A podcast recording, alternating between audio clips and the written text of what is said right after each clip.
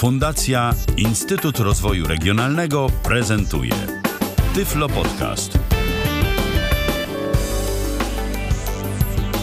Minęła godzina 19, wysłuchacie Tyflo Radia, Tyflo Radio, Tyflo Podcast, www.tyflopodcast.net. Przypominam, Tyflo Podcast to pierwszy polski podcast dla osób niewidomych i słabowidzących. Możecie nas e, słuchać e, zarówno w formie przekazu na żywo, tak jak chociażby teraz na antenie Tyflo Radia, ale także możecie odwiedzić na nasz, e, naszą stronę internetową.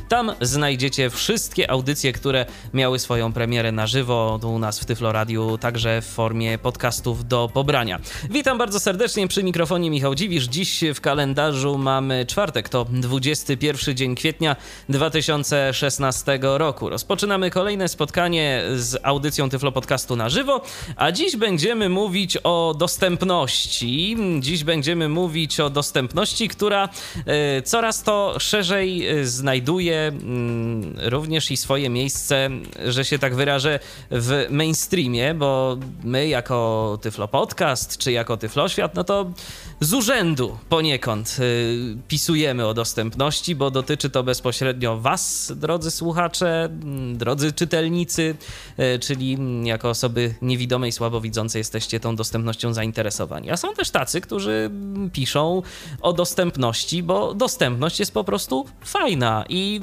właśnie y, o tym między innymi można przeczytać w najnowszym numerze Mój Mac magazynu, który się w tym tygodniu ukazał. E, I właśnie o tym e, numerze tego czasopisma, jak i o samym e, magazynie będziemy rozmawiać z jednym jego, z jego redaktorów. Po drugiej stronie naszych cyfrowych łączy jest Jaromir Kopp. Witam cię bardzo serdecznie. Dzień dobry, dobry wieczór. No właśnie, nie wiadomo, czy to dobry wieczór, czy to dzień dobry, to już taka wiosna i to w pełnym rozkwicie. Jeszcze jasno, ale już po 18. Niektórzy zwykli po 18 już się witać dobry wieczór, więc wolałem zastosować obie formy. Zawsze możemy skrócić dzień dobry wieczór wszystkim. W końcu nie wiadomo, o której to pójdzie. Tak, a potem będzie podcast, y, y, nie wiadomo, o której to będzie odsłuchiwane. Dokładnie. Y, tym bardziej, że również ta audycja później w formie podcastu się ukaże. Jaromirze, mój Mac magazyn, y, czasopismo, y, które no myślę, że dla części naszych słuchaczy, tych, którzy są zainteresowani środowiskiem Apple w Polsce, mm, jest marką znaną, ale bardzo bym Cię prosił, chociaż żebyś pokrótce powiedział, co to właściwie jest dla tych, którzy być może w ogóle o Was nie słyszeli. Y, tak jak powiedziałeś, to jest czasopismo, które powinno interesować y, użytkowników, sympatyków urządzeń z nadgryzionym jabłkiem. Y, ale też nie tylko, bo, bo tam poruszamy również inne tematy dookoła technologiczne. Jest kącik kulturalny, jest kącik z opisami urządzeń, które działają nie tylko z, z Macami czy z iPhone'ami, iPadami. Y, niedawno świętowaliśmy rok działalności, rok, y, od, od ponad roku już się wydajemy, tak mówiąc y, prosto. Z, na, czasopismo jest jakby ukierunkowane na, mm, na, na Mm, porady, recenzje, mamy temat y, główny, który y, co miesiąc się oczywiście zmienia i właśnie podejrzewam, że rozmawiamy teraz ze względu na temat główny kwietniowego naszego wydania. Oczywiście, że tak, y, bo waszym głównym tematem kwietniowego wydania jest, tak jak już wspomniałem, dostępność produktów firmy Apple. Co was w ogóle skłoniło do zajęcia się tym tematem? To dość ciekawa historia, bo nie... Wyszło to trochę przypadkowo. Ja czytając różne blogi i newsy w polskiej, polskiej sfery jakby aplowskiej, natknąłem się na akcję Łukasza Banaszaka, która polegała na tym, że robił on zdjęcia iPadem w różnych dziwnych miejscach niedostępnych. On sam zajmuje się właśnie y, mocno problemami y, niedostępności, problemami osób niepełnosprawnych. Y, jest zaangażowany w europejskich instytucjach, w właśnie zajmujących się tymi sprawami. I nawiązałem z nim kontakt, bo okazało się, że planuje nową akcję. Ale zanim opowiesz rok. o tej e, nowej akcji, to jeszcze tak zatrzymam się na moment e, przy tej okazji miejsc niedostępnych. Czy to chodzi o taką dostępność, która e, oznacza, że trudno się tam dostać, na przykład, nie wiem, osobie niewidomej, osobie na wózku, czy po prostu to są takie miejsca, do których w ogóle trudno jest wejść? Tak, bo generalnie samo, właśnie ten drugi wariant, y, bo generalnie samo przesłanie jest, y, ma być nastawione pozytywnie, czyli że nie na zasadzie, że się nie da, tylko na zasadzie, że się da. Więc raczej stara się Łukasz pokazywać miejsca, gdzie y, zadbano o osoby niepełnosprawne. Tutaj no, no dość duży nacisk jest też właśnie na, na wózkowiczów. Y, ale miejsca, do których nie zawsze może wejść każdy, albo na przykład nie zawsze można robić zdjęcia, ale albo też są to popularne miejsca, gdzie wiele osób może przy, każdy w zasadzie może przyjść, ale spotykamy się tam w grupie osób, które się zajmują właśnie takimi sprawami łamania barier, nie tylko jeżeli chodzi o, o sprawy osób niepełnosprawnych, ale też um, o łamanie barier mentalnych, technologicznych. Formuła jest dość pojemna, ale to zaczęło się właśnie od, od tej ogólno właśnie pojętej dostępności, tej, tej dotyczącej osób niepełnosprawnych. Jak słyszę hasło miejsca, do których nie każdy może wejść, to mi się od razu e, to mi od razu wyobraźnia podsuwa takie naprawdę ekstremalne miejsca, nie wiem, sterownia elektrowni jądrowej, stacja kosmiczna i tak dalej. E, to tego typu obiekty są fotografowane sprzętem Apple'a, czy jednak jednak y, coś mniej spektakularnego. Y, znaczy, y, chciałbym powiedzieć, że pracujemy nad tym, ale nie, aż tak spektakularnie nie, ale na przykład z ciekawostek to byliśmy, robiliśmy zdjęcia pod sceną, pod zapadniami sceny teatru imienia Heleny Modrzejewskiej w Legnicy. Miejsce normalnie niedostępne, ta cała maszynownia, system obracania sceną, który jeszcze chyba z tego co pamiętam, to jeszcze sprzed wojny. I on jest pochodzi. nadal używany? Tak, i cały czas działa. Y, y, jutro będziemy robić zdjęcia na wrocławskim lotnisku i to też takie mm, no, w miejscach, gdzie normalnie nie ma wstępu, bo zostaliśmy spisani z danych personalnych, PESEL-u i tak dalej, dostaniemy specjalne legitymacje. Y, zresztą na, nasze lotnisko wrocławskie akurat nie musi się wstydzić, jeżeli chodzi o sprawy osób niepełnosprawnych. Tutaj Bartek Skrzyński, rzecznik Wrocławia właśnie do spraw osób niepełnosprawnych, ten, który wymyślił hasło Wuskers i, i, i je propaguje, on chwalił nasze lotnisko tam, że, że stosunkowo łatwo może się dostać do samolotu, w przeciwieństwie na przykład do lotniska de Gaulle we Francji. No proszę. Tak, tak. Czyli, a, tyle y, się, a tyle się mówi, że za granicą lepiej, a tu się okazuje, że i w Polsce całkiem dobrze. Też się zdziwiłem, bo jak nagrywaliśmy z nim podcast, też może potem o nim wspomnę, bo to podcast też na zasadzie łamania barier, y, ale mm, między konkurencją, że się tak wyrażę. Właśnie jak zaczął opowiadać o, o, o lotniskach, to, to mnie mocno zaskoczyło, że chwalił wrocławskie, a ganił paryskie. Tak samo y, na przykład rynek w Brukseli, gdzie on jeżdżąc na wózku wpada w kolejny i nie może, no nie może się swobodnie poruszać, a, a właśnie poniedziałek we Wrocławiu otwieraliśmy tak zwaną, znaczy on otwierał, my byliśmy y, z ramienia patrona medialnego tam obecni, znaczy ja, ja i Łukasz.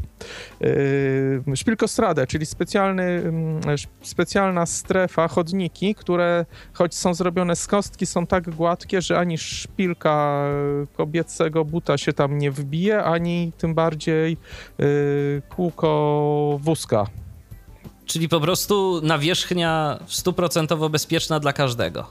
Tak, tak. I tak usytuowana, żeby nie budzić kontrowersji. Na przykład były problemy typu, y, mm, czy puścić tą, y, tą trasę między Y, bliżej budynków, a, y, ale wtedy kolidowała z y, ogródkami piwnymi, czyli na przykład ktoś jadący wózkiem mógłby się nadzieć na kelnera, a czy, czy bardziej od budynków, tam dość długie debaty były, ale to już, to już inny temat.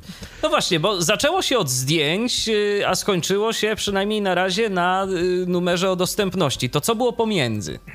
Pomiędzy było to, że gdy porozmawiałem z Łukaszem o tej akcji, to stwierdziłem, że wypadałoby o tym coś napisać. I ustaliliśmy, że, za, że porozmawiam z naszym redaktorem naczelnym, Przemkiem, że yy, czy mój Mac magazyn nie objąłby patronatem tego, tej akcji Łukasza. Ona ma długą i skomplikowaną nazwę. Myśmy zaczęli stosować już jej skrót y, hashtagowy WROAccessible 16. Yy, więc tak, tak tą, tą, nazwą będę się posługiwał. A zaryzykujesz jak... chociaż raz y, przedstawienia pełnej nazwy, czy nie będziesz próbował? Nie będę, bo ja okay. nie, znam, okay. nie znam zbyt dobrze. Nazwa jest po angielsku, a ja angielski dość mocno kaleczę. Ja dobrze, dobrze czytam po angielsku. Ale y, więc wolałbym nie ryzykować, bo dostanę ochrzan. Okej. Okay. I, yy, I właśnie mówiąc o tym patronacie nad tą akcją, Y, przy okazji zaczęliśmy omawiać tematy kolejnych wydań. Tak nam wyszło, że na kwiecień jeszcze nie mamy nic ustalonego i wtedy nam się zapaliły takie lampki, a może by zrobić tematem głównym właśnie mm, sprawy dostępności. A tu też taka dygresja, bo y, czemu jakby to tak łatwo poszło w tą stronę, bo mm, ja na, mm, parę razy na Twitterze, korespondując, pisząc z różnymi osobami, po paru miesiącach dopiero dowiadywałem się, że to są na przykład osoby niewidome. I e, dla mnie to było no, pewnym mocnym zaskoczeniem, bo po prostu się wpisało. Potem nawet się okazało, że jedna, jedna z tych osób biega maratony. Dopiero sprawa wyszła na jaw, gdy się spytałem, a czy będzie startował w maratonie rowerowym się okazało, że właśnie, że no niestety niewidomi mają pewien problem z tym, zwłaszcza w jeździe w pojedynkę. I dopiero wtedy się dowiedziałem, że ta osoba no, nie widzi, a podczas korespondencji przez social media, tak to uprośćmy, no w ogóle się nie dawało tego zauważyć. I potem się okazało, że ja takich osób mam przynajmniej kilka. I wtedy właśnie wyszło na to, że po, w połączeniu z patronatem nad akcją Łukasza wyszło na to, że to jest temat, który już nie jest jakby marginalny, bo dotyka nas z każdej strony. Jak, y, nas tutaj mówię o o, cał, o ogóle społeczeństwa, tego, które ma mniej problemów. I jak to jest y, z tymi osobami niepełnosprawnymi? Bo jak rozumiem, chcieliście stworzyć numer poświęcony po prostu dostępności produktów y, Apple, ale czytając ten numer, tak, bo go przeczytałem w całości, y, to ja widzę, że jednak przede wszystkim pojawiły się osoby niewidome, no jedna osoba głucho-niewidoma, piszące na temat dostępności. Na przykład, no nie udało się chyba, ale to myślę, że zaraz rozszerzysz, bo nie udało się nikogo, y, tak mniemam, pozyskać, kto by korzystał z przełączników y, na przykład, a Apple również i takie urządzenia wspiera gdzieś tam w dostępności chociażby iOS-a. To, był, to było właśnie spowodowane tym, czy na przykład tym, że mieliście gdzieś takie osoby, ale no siłą rzeczy byłoby ciężko osobie, która mm, powiedzmy ma, nie wiem, sprawną może jedną rękę albo jeden palec jednej ręki napisać artykuł? Znaczy, mm, to zawsze, zawsze jest presja czasu. Mimo, że myśmy omów, podjęli decyzję na przełomie chyba stycznia i lutego, to jednak przygotowanie to, to, nie, jest, to nie jest blok. To trzeba przygotować pod wieloma względami. Mm, musieliśmy, no tak brzydko to nazwę, skorzystać z osób, które znamy, z którymi mamy kontakt. Y, też Łukasz, właśnie Łukasz y, poznał mnie z y, Grzegorzem Kozłowskim, tak, prezesem tak. Stowarzyszenia Głucho, nie, Pomocy Głucho no, TPG, po prostu TPG. Tak? Naj, naj, najprościej może. Właśnie, dziękuję zawsze, za pomoc. Zawsze mam problem z nazwami i z nazwiskami. Tak samo jak z tymi nazwami angielskimi. I, e, i po prostu bazowaliśmy na, e, na kontaktach. I a tu taka ciekawostka, bo bardzo dawno temu napisałem, to był mój drugi program w życiu, jaki zrobiłem na iOS-a napisałem e, program do posługiwania się symbolami mm, iBliss Symbol, symbolami mm, tymi mm, Blissa. To właśnie Możesz wyjaśnić to jest dla osób, co to jest? To jest specjalny język obrazkowy dla osób z porażeniem mózgowym, które nie mogą opanować normalnego czytania, Oczywiście ani jakby artykułowanej mowy, ale y, mogą się spokojnie posługiwać językiem, słowami, ale wyrażanymi za pomocą symboli. I, e, i stworzyłem właśnie taki, pod namową, za namową znajomego, który właśnie cierpi na, na porażenie, Stwo- tylko, że on akurat nie ma takich wielkich problemów, ale właśnie potrzebował coś takiego dla kogoś innego i stworzyłem taki program. I w zasadzie to sobie dopiero teraz o tym przypomniałem. Niestety nie jest już specjalnie rozwijany, ale ciągle, ciągle jeszcze można z niego korzystać. To a propos, a propos tej dostępności innego rodzaju, ale nie mamy osób, nie, wśród kontaktów nie udało się zorganizować nikogo, no nikogo Mm, z, tak, z, tak, z takimi problemami.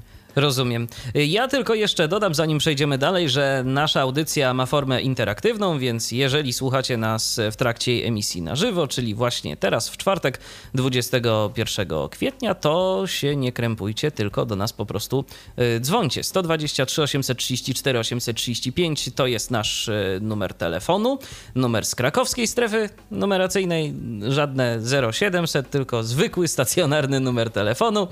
Y, natomiast tyflopodcast podcast.net to jest nasz skype'owy login. Jeżeli ktoś ma ochotę skontaktować się z nami w ten sposób, jesteśmy do Waszej dyspozycji.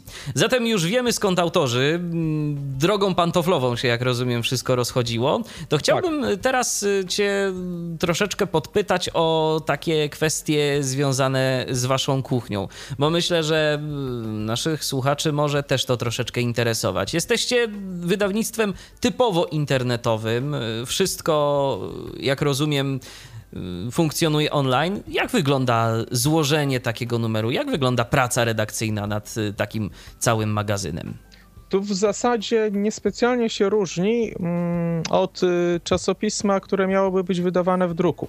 Tylko, że no, nie, nie ma tego ostatniego etapu drukowania. No chyba, że ktoś sobie zażyczy wydrukowanie cyfrowe swojego egzemplarza, to jest taka możliwość, ale no, zdarza się to dość rzadko. Czyli no, mm, tak jak już y, to powiedziałem, ustala się, z, akurat w naszej, w naszej redakcji, y, mój Mac Magazyn ma, ma ten temat y, przewodni, który jest czymś, co go mm, wyróżnia, czyli ustalamy te tematy przewodnie z jakimś tam wyprzedzeniem, staramy się tak mieć plan na, na, na pół roku naprzód. Potem dobieramy kto co chce z redaktorów napisać w danym temacie, kto, kto ma coś do powiedzenia jakby sam od siebie, czyli jest takie, takie pospolite ruszenie. Potem też wymyślamy tematy, które pasują do, do tego wydania i niespecjalnie i nikt się specjalnie do tego nie zgłosił, więc potem trzeba przydzielić, że się tak wyrażę, osobom, które będą w stanie to kompetentnie podjąć da, dany temat. I cały czas też y, są, mm, znaczy osobną sprawą jest jakby, mm, to, to nie jest działalność w pełni mm, charytatywna, co, bo to, to, to jest normalne wydawnictwo, więc musi się utrzymywać, więc oczywiście jest cała praca dość y, skomplikowana nad zdobywaniem reklamodawców, sponsorów, y, y, firm, które chciałyby ogłosić, poprowadzić jakieś konkursy, ufundować nagrody. Z tym się właśnie wiążą recenzje różnych produktów, co też wcale nie jest takim łatwym zadaniem, no bo taki produkt Mm, no nie wystarczy otrzymać, rozpakować, zrobić mu kilka zdjęć i, i, opisać, jak wygląda, no tylko trzeba troszkę poużywać. Stąd właśnie to, co też już wcześniej mówiłem, że proces jest dość długotrwały. W międzyczasie zbieramy newsy, które się pojawiły, które y, trzeba, trzeba poruszyć w kolejnym wydaniu. Potem, gdy teksty są e, już napisane, też e, Przemek Marczyński, nasz redaktor naczelny, który właśnie no, spiritus movens z tego całego przedsięwzięcia, on to wymyślił, on to, on nas pogania, on trzaska biczem nad nami, no oczywiście tu żartuję, ale czasem też musi nas y, pociągnąć, popchnąć w odpowiednim kierunku, czy przydzielić ten temat, czy pogonić, jak y, mm, tematy miały, artykuły miały zejść na 15 danego miesiąca, już jest 18 albo 20, a jeszcze tam kilka, kilku, w kilku teczkach na serwerze jest pusto, nie ma, nie ma tam tekstu i zdjęć. Też właśnie osobna rzecz to oprócz tekstu, to na naszych barkach redakcyjnych też spoczywa zrobienie zdjęć, do, zrobienie lub zdobycie zdjęć do, do artykułów. Co jest y częstszą praktyką? Czy korzystacie z jakichś stoków internetowych, czy po prostu sami trzaskacie fotki? Y, źródła są trzy, tak jak wymieniłeś, wymieniłeś dwa z nich, naj, z czego właśnie jest jeszcze trzecie, czyli materiały prasowe producentów, którzy jeżeli coś piszemy o danym produkcie, to bardzo chętnie nam te zdjęcia użyczają. Yy, czyli naj, najfajniej, jak mamy własne zdjęcia, tylko że no, wielu z nas no, jest redaktorami, nazwijmy to amatorskimi, znaczy większość z nas. Czyli to nie jest wasza podstawowa nie, działka. nie mamy, na przykład nie ma, tak, oczywiście, ale nie, wiąże się z tym to, że nie mamy super sprzętu fotograficznego albo miejsca do fotografowania. Wiesz, więc... teraz zdaje się, że Reuters już akceptuje oficjalnie zdjęcia robione iPhone'ami. To... To, to nie jest problem zrobić zdjęcie iPhone'em, ale problem jest problemem jest na przykład stół, gdzie można mieć dobre bezcieniowe oświetlenie. I tutaj się zaczynają schody, no i też y, umiejętności, nie oszukujmy się, nie każdy y, ma takie zdolności jak y, ci, którzy prowadzą u nas działy porad fotograficznych. Na przykład właśnie nasz kolega redakcyjny Michał Koralewski, który no, nagradzany fotograf mobilny, sam czytam jego artykuły o, o tym, jak, jak zrobić dobre zdjęcie. Tak, i zresztą teraz y, w mój Mac magazynie jest nawet artykuł poświęcony temu, jak fotografować, jak to było w deszczu i śniegu chyba, tak? Tak, jak tak, i to pamiętam. jego autorstwa, z tego co pamiętam. I, y, czyli no, sami staramy się robić jak najlepsze zdjęcia, ale nie zawsze są tak dobre, żeby na przykład trafić na y, stronę tytułową artykułu. I tutaj właśnie z pomocą przychodzą albo dostawcy sprzętu, który jest opisywany, albo bo z tego jak najrzadziej staramy się korzystać, ale czasem trzeba właśnie te zdjęcia stokowe, bo mamy bardzo dobrą agencję reklamową, która jakby opiekuje się nami pod względem, y, pod względem wyglądu pisma, bo, bo no, i, i oni, to, oni też nie tylko naczelne, ale oni nas właśnie najbardziej gonią o te zdjęcia i o to, żeby tych zdjęć było dużo, żeby można było je, żeby było z czego wybrać. Rozumiem. Y, I w ten sposób to wygląda. A nie, jeszcze, jeszcze są, bo jeszcze Aha. są bardzo ważne etapy. Potem A, no trafiają do korekty, bo no, ja jestem z tych, którzy robią dużo błędów ortograficznych. Zresztą też nie każdy z, z, miesiąca na miesiąc, z roku na rok, każdy z nas pisze coraz lepiej, ale y, no, nawet mm, profesjonalnym redaktorom radiowym czy, czy, czy magazynowym, których to jest głównym zajęciem, no zdarza się, że robią coś niestylistycznie. Nawet ostatnio rozmawiałem z profesorem Jotkiem, on też potrafi się pomylić i mamy korektę, która wyłapuje nam jak najwięcej tych błędów i literowych, i, i gramatycznych.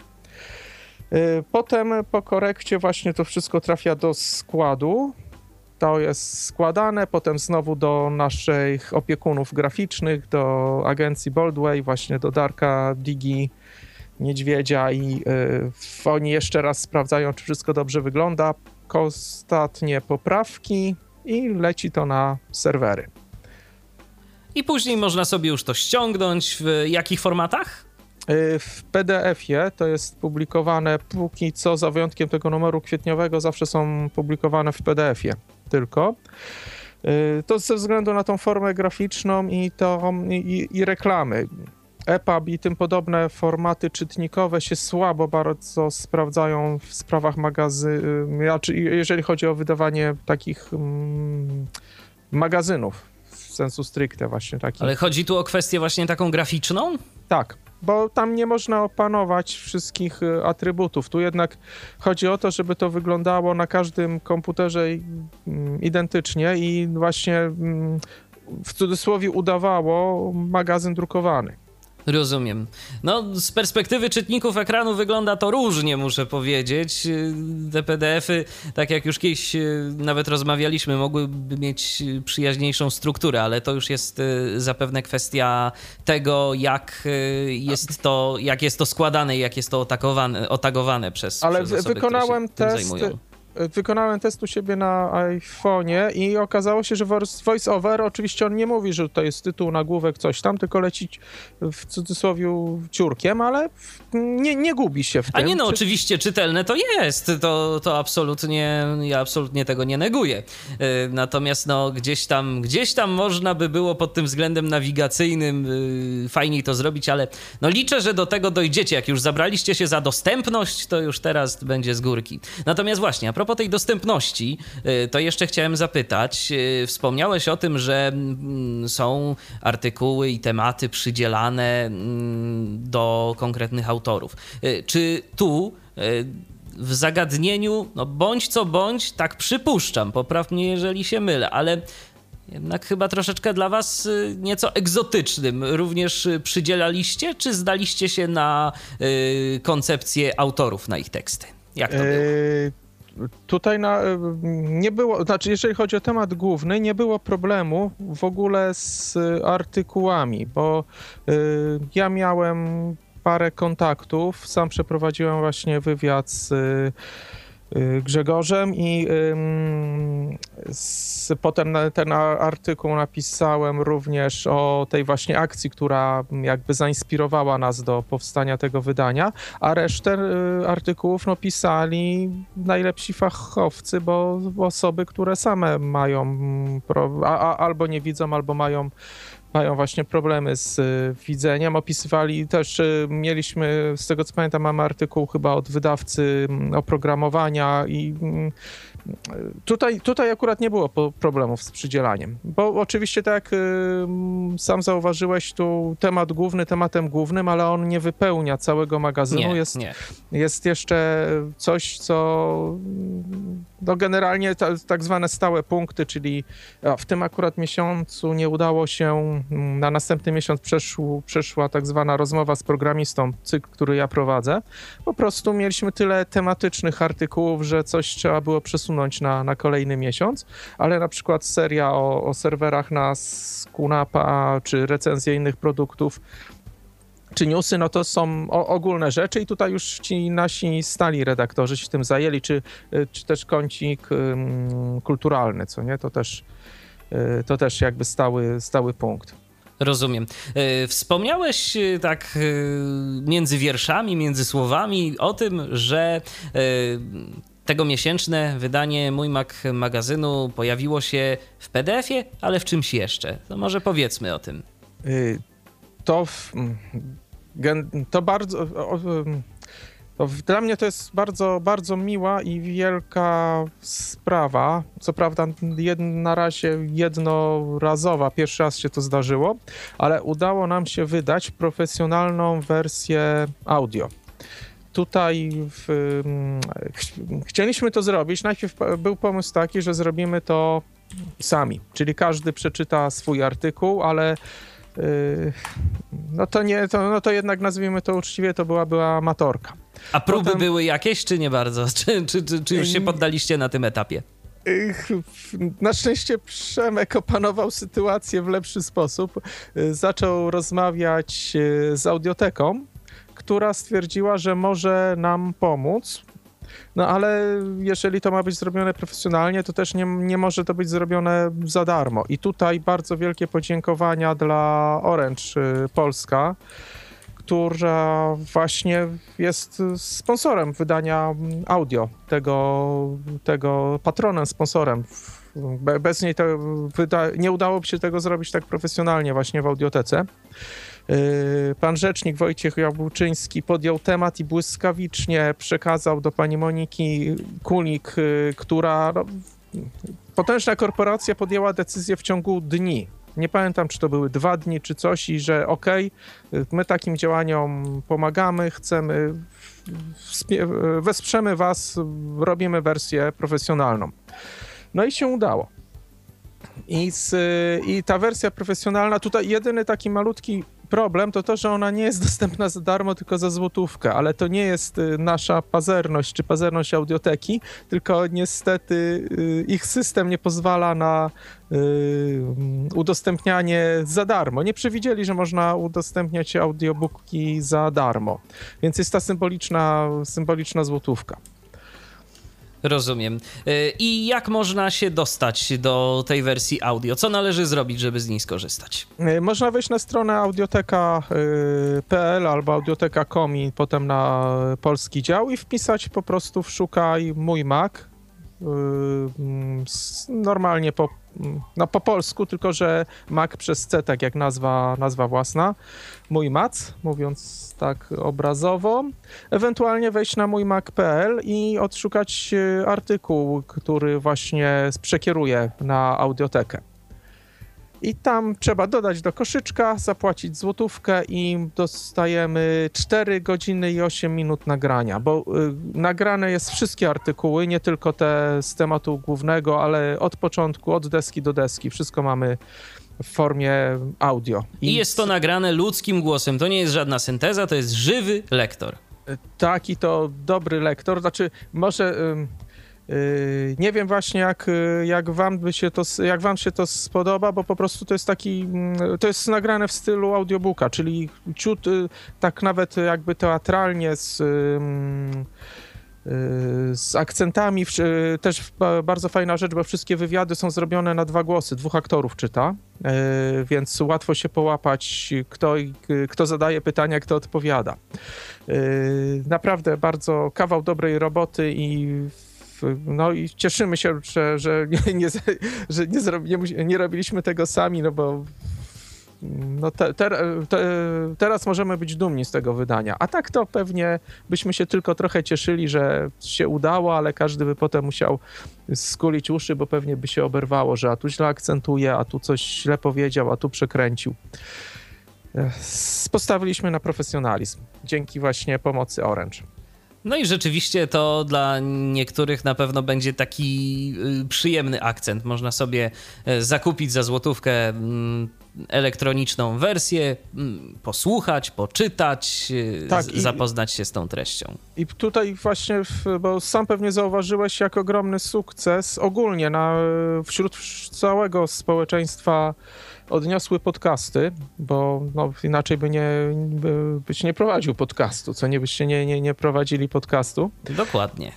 Ym, i, ten, I to jest niezależnie od tego, czy ktoś, e, czy ktoś widzi, czy nie widzi. Po prostu ludzie teraz wolą słuchać. Mnie, ja jestem wyjątkiem. Ja na przykład prowadzę podcast, w kilku tam występuję, ale sam nie słucham podcastów. Ja wolę czytać. Bo, a dużo ludzi, bo ja nie prowadzę samochodów. Potem się okazuje, że na przykład dużo naszych słuchaczy, mówię tu o podcaście, który prowadzę peer-to-peer z Sebastianem Szwarcem, y, dużo naszych słuchaczy słucha nas y, podczas jazdy albo podczas ćwiczeń. A no wtedy wiadomo, że czytać jest niewygodnie, więc y, ta wersja audio no, była głównie, myśl, miała być ukłonem dla w, w stronę osób, które, ma, które no, nie mogą czytać albo mają y, na czym no, teraz to w zasadzie przy użyciu technologii każdy może Y, czytać, ale kto, mm, dla których czytanie wzrokowe nie jest, nie jest możliwe, co nie? Więc, y, ale okazało się, że wszyscy się z tego wydania cieszą. Oczywiście, że tak. Oczywiście, że tak. Zresztą wśród y, niewidomych to też taką ciekawostkę mogę ci powiedzieć, że są zdania podzielone, bo niektórzy bardzo lubią czytać audiobooki, które to też zresztą przecież coraz bardziej się popularne robią, chociażby przykład Storytela, który wkroczył na polski rynek, no zapowiada że coś ciekawego z tego, że, że można na tym zrobić niezły biznes mhm. e, i oby im się udało. Natomiast e, no także i wśród niewidomych są zdania podzielone. Ja jestem akurat z tych, którzy wolą syntezę powiem no, szczerze. Bo można szybciej. Bo można możesz... szybciej, tak, dokładnie. Ale dokładnie. oprogramowanie do podcastów y, bardzo często ma opcję odtwarzania. Tak, na, tak, y, można sobie przyspieszyć. Półtora czy dwa razy y, szybszego, więc no, to już jest, jest taka opcja, tak. ale to, to już, y, no, jak już ktoś przywykł do tego syntetycznego głosu i y, ustawił sobie odpowiednie tempo, no, dałeś mi próbkę, jak ty mm, czytasz, to no, tempo dla mnie było zawrotne. Tam co połowę słów pod, byłem w stanie zrozumieć, no ale po, po, podcastu już byś tak nie podgonił, takiego audio wydanego. Nie, bo to nie jest tak, bo to nie jest tak regularne. Zresztą y, słowa, jak ktoś mówi, mówi w różnym tempie, nie można tego tak fajnie przyspieszyć. Wtedy można by było na przykład pewne słowa zwyczajnie zgubić. Tak, czyli, czyli tutaj jest, y, mamy podej- podobne podejście, też wolimy czytać. Ty Tak. i ja. Dokładnie. Ale, ale wersję audio mój magazynu odsłuchałem całą dla samej przyjemności tego głosu, tego, tego lektora. Naprawdę no, nieskromnie powiem, że bardzo mi się podobało. Ja powiem szczerze, jeszcze nie, ale muszę po nią sięgnąć i, Bo- i też e, się zapoznać. Przyznaj się szczerze, że ci szkoda tej złotówki. Nie, tam zaraz szkoda. To jak, e, jak dokonasz tego, nazwijmy to zakupu, to pamiętaj, żeby tam dać jakąś stosowną op- opinię. Najlepiej dobrą, ale według swojego sumienia. No, oczywiście, nie omieszkam tego, nie omieszkam tego zrobić, kiedy tylko się zapoznam, ale przypuszczam, że, że będzie dobrze. E, mam taką nadzieję. To teraz może dla naszych słuchaczy uchylmy rąbka tajemnicy, bo tak mówimy, że o dostępności, o dostępności, o dostępności. No dobrze, ale co właściwie w tym e, numerze mój Mac magazynu się znalazło? E, Co można przeczytać? Może tak pokrótce teraz byśmy zachęcili e, słuchaczy Tyfloradia, Tyflo Podcastu, którzy e, słyszą o tym czasopismie pierwszy raz na przykład i nie wiedzą w ogóle, czego mogą się spodziewać, a tu specjalny numer z, skierowany no, w dużej części do osób niewidomych e, i traktujący o tym, jak niewidomi korzystają z komputera i z urządzeń mobilnych, czego się mogą nasi słuchacze spodziewać sięgając po, po ten numer. Dziękuję za tak długi wstęp, bo zdążyłem otworzyć spis treści. A tak jakoś czułem, że właśnie to będzie ci potrzebne. Tak, znaczy właśnie myślę, że najlepszym y, pomysłem będzie krótkie przedstawienie spisu y, treści, bo mm, zacznę od y, tego tematu wiodącego, tematu miesiąca, czyli nie od początku. O, jak miło, bo zaczyna się rozmową właśnie z Grzegorzem Kozłowskim, moją.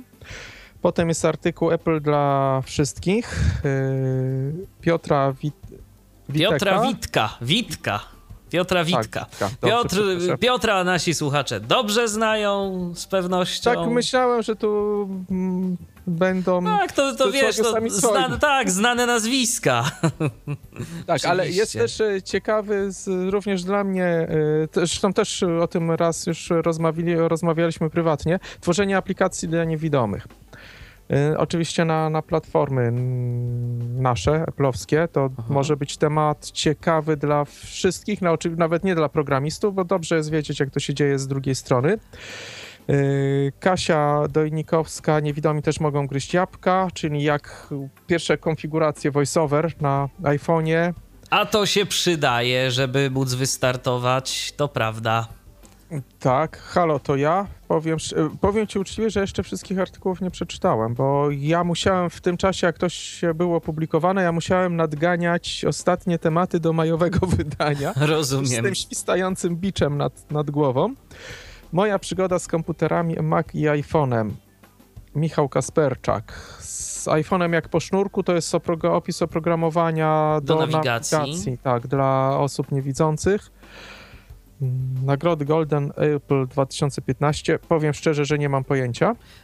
Y, To są nagrody, które mm, portal Apple Viz y, przyznał.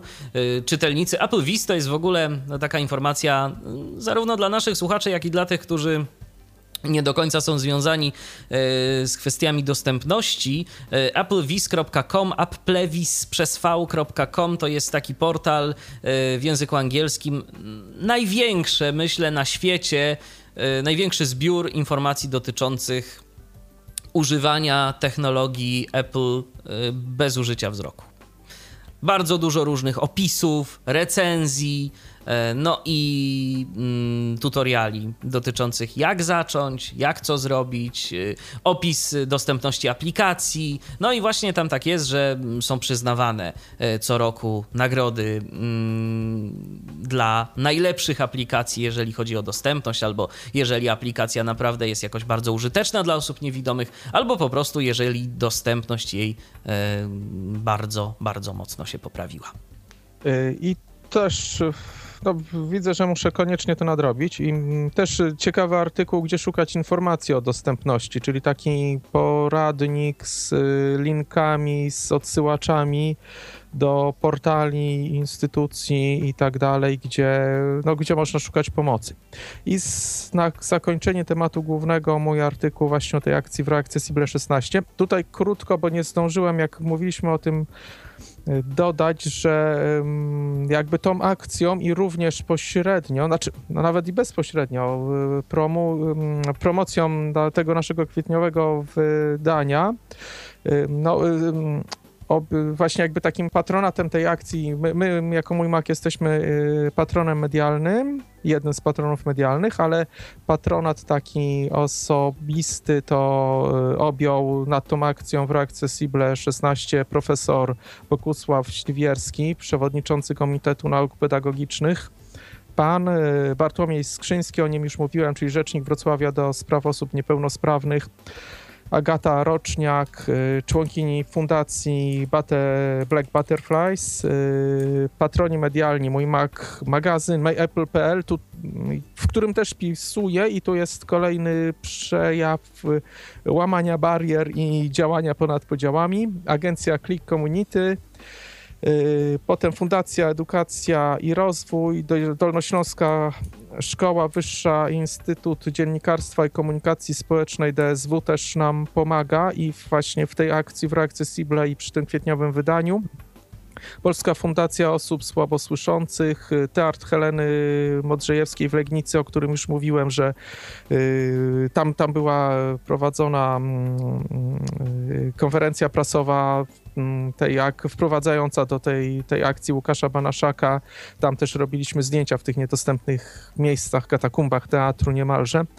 Fundacja Jacka Głąba, Naprawiacze Świata, to jest dyrektor tego teatru. Yy, pomagała nam i nadal pomaga Krystyna Zajko-Minkiewicz, prezes Stowarzyszenia Przyjaciół Teatru Modrzejewskiej w Legnicy. I to wszystko jeszcze robimy pod ze wsparciem, jakby taką opieką Europejskiej Stolicy Kultury 2016, czyli no, mocno wrocławsko i z, y, dużo spotkań robimy w Barze Barbara, czyli takim infopunkcie właśnie Europejskiej Stolicy Kultury, gdzie bardzo jesteśmy mile przyjmowani. Tam właśnie było nagrane, na, zrealizowane nagranie tego specjalnego podcastu, o którym mam nadzieję, że będę mógł później powiedzieć jeszcze parę słów. A teraz wracam... To może, to może wiesz co, to może od razu, jeżeli to ma być parę słów, żeby nam to nie uciekło, to powiedz. Wiesz co, ja może dokończę ten Okej, okay, dobrze, bo, dobrze. Bo przelecieliśmy się porze przez temat. Yy, dobrze, dobrze, bo ja się będę a propos tego też y, lekko czepiał, ale to później. Ale to później. Yy, a propos czego? Yy, a propos jednego materiału ze spisu treści, to jeżeli mnie pamięć nie myli twojego autorstwa, ale to będzie, to, to, to, dojdę, to do tego dojdziemy. Dobrze, czyli nie w temacie głównym. Nie, nie w temacie Dobra. głównym. Yy, między światłem a cieniem to właśnie to, o czym już mówiłeś, czyli Michał Koralewski i, i robienie, znaczy yy, on zajmuje się robieniem z właśnie działem fotografii u nas. Y, nowości sprzętowe, to w informacjach przegląd aplikacji i tak dalej, to możemy sobie szybko darować. Potem taki ogólny temat, y, mm, ja prowadziłem rozmowę z y, Tomaszem Sekielskim, którego znamy obecnie z telewizji polskiej, gdzie mm, prowadzi swoje reportaże po prostu, i, a przedtem w TVN nie pracował. I okazało się, że to jest wielki fan Apple'a. Telewizor, rzecz o iPadzie Pro, Yy, potem yy, opis urządzeń Denona, takie bezprzewodowe, system nagłaśniający. Słownikowa nowomowa to też mamy człowieka, który dba o mm, polski język. On właśnie również i jego firma zajmuje się korektą u nas, Artur Czesak. Swoją drogą bardzo ciekawy artykuł. Jako dla kogoś, kto też jednak przynajmniej usiłuje posługiwać się poprawną polszczyzną, no mi ten artykuł bardzo się podobał. Tak, ja zawsze zawsze mam problem z pisownią Mac, Mac i tak dalej, ale i też wszystkie, wszystkich fachowców od polskiego o to pytam i najśmieszniej, że jeszcze ciągle bywają zdania podzielone. Y, recenzje, tu mamy opisane, nie będę już czytał tytułów, mamy opisane kilka programów i urządzeń. Testy to mój ulubiony dział. Yy, kilka urządzeń. Ja tu akurat testowałem TurboEck taki. Tego chcesz się czepić? Tego chcę się, tego chcę się czepić. Tak cię wyczułem. Yy, to dobra, może ty, ty się czep. Dobrze. Ja się, ja się tylko, ja się przyczepię tylko jednego. Yy, powiem ci szczerze, zabrakło mi jako osobie niewidomej, e, czytając y, ten artykuł, zabrakło mi strasznie informacji, bo w zasadzie no gniazdko. Jest to, to, to jest gniazdko, może, może powiedzmy naszym słuchaczom, to, to jest gniazdko w kształcie jajka z bluetoothem, tak? Ja to, ja to tak zrozumiałem że to tak... Znaczy, wiesz, e, na wytłumaczenie powiem, że to był mm, artykuł, który miał pójść w numerze marcowym, ale się nie zmieścił. Nie, wszystko, wszystko fajnie, wszystko fajnie, tylko, nie, się... tylko, tylko tak trochę zabrakło mi informacji, y, co ja z tym gniazdkiem mogę zrobić. Czy ja mam je na przykład przyłączyć... E, do kontaktu, wyjmujesz na przykład wtyczkę lampki nocnej, czy tam czegoś, nie wiem, czajnika do 1800 W, bo on taką ma obciążalność. Z gniazdka wtykasz to jajko w gniazdko i w to jajko wtykasz ten kontakt. A wiesz, jak to... ja so, a wiesz, jak ja sobie to wyobraziłem? No mów. Że przyszło do ciebie gniazdko, yy, które ty musiałeś jakoś podłączyć jakimiś drucikami, tak, do kabli, do jakiejś puszki. Jeszcze może nawet spróbować zamontować je w ścianie. Yy, za... co, nie, nie, nie, byłeś daleko, bo w, yy, ta firma wysłała mi właśnie taką płytkę bez obudowy, taki mają moduł który z, robi to samo, tylko właśnie nie ma obudowy i z nim właśnie zrobiłem to, co ty opisujesz, tylko wstawiłem to do listwy zasilającej. Z prymitywnej listwy zasilającej zrobiłem sobie inteligentną. O proszę. To też fajna sprawa. Ale, ale, tak, ale tak właśnie tak się zastanawiam i byłem ciekaw. Y, y, ale to bardzo dobra uwaga, bo widzisz, tam ja, no są zdjęcia, co nie, no ale tak. na stronie www te zdjęcia można o y, alternatywnym tekstem opisać, a tutaj rzeczywiście nie. Ale no, zapiszę sobie, wydrukuję, powieszę tutaj dużymi literami, że trzeba trzeba o tym pamiętać, o bardziej opisowym podejściu. Ale to też śmiesznie, bo właśnie te, te, tą e, Turbo Chip to e, Pisałem nie tak dawno ten artykuł, nie wiem, może to pod wpływem już tego kwietniowego wydania i tej całej akcji w Reaccessible, że yy, używałem słów opisowych, tak jakby nie było w nim zdjęć. Dziwne, naprawdę. Yy, będziesz mógł ocenić w maju, mam nadzieję. Jasne, to na pewno bardzo chętnie przeczytam. Ale swoją drogą, ale swoją drogą właśnie też y, z tego powodu y, funkcjonuje Tyflo Podcast i z tego powodu y, pokazujemy naszym słuchaczom różne czy urządzenia, czy produkty, czy programy z perspektywy niewidomych użytkowników, bo już niejednokrotnie ja się spotykałem w dobie powszechnego y, gdzieś tam obrazu, który się pojawia w internecie, filmików na YouTubie, no, y, z takim stwierdzeniem, no to teraz klikamy tu, no i się dzieje. Tak, no tylko co się dzieje, gdzie klikamy, co robimy. Więc y, rzeczywiście taki opis niekiedy pogłębiony byłby wskazany, to prawda. Ale to też powiem ci uczciwie, że się złapałem na tym, że po, tym, po tych całych akcjach z Łukaszem Banaszakiem i troszkę bardziej jakbym zwracał na to uwagę. A, Mam nadzieję, dobrze. że ten stan się utrzyma. To bardzo dobrze. Y, myślę, że nieraz jeszcze zajrzę do kolejnych waszych numerów i jeżeli coś mnie zaniepokoi, a myślę, że nie tylko mnie, ale naszych tu słuchaczy, y, także słuchających nas zarówno na żywo, jak i później w formie podcastu, to, to się będą czepiać. I jeszcze ostatnie trzy punkty ze spisu treści, okay. czyli coś, co znowu bardzo lubię, mój, moja seria o serwerach Kunapa, czyli takie dyski sieciowe, które potrafią teraz prawie wszystko, bo nawet, y, nawet można na tym systemy uruchamiać, czyli na przykład Windowsa. Chociaż to akurat mnie specjalnie nie, nie cieszy, ale dzięki temu nie muszę w awaryjnych sytuacjach używać Windowsa na, na Macu, w awaryjnych bar, które mi się zdarza 2-3 razy na, na 10 lat mniej więcej. Potem właśnie poradnik, ten o którym mówiłeś, poradnik y, fotografa mobilnego i dział kulturalny, recenzja spektaklu Jesus Christ Superstar, ale, y, którą zrobiła Alicja Ignaczak, nasza, nasza dziewczyna od kultury. I to w zasadzie wszystko. Tak jak e, już powiedziałem, przeczytanie tego takim niezbyt szybkim tempem zajmuje 4 godziny i 8 minut. Mi zajęło, zdaje się, że koło półtorej Kwadransa. maksymalnie. Nie, no, bez przesady.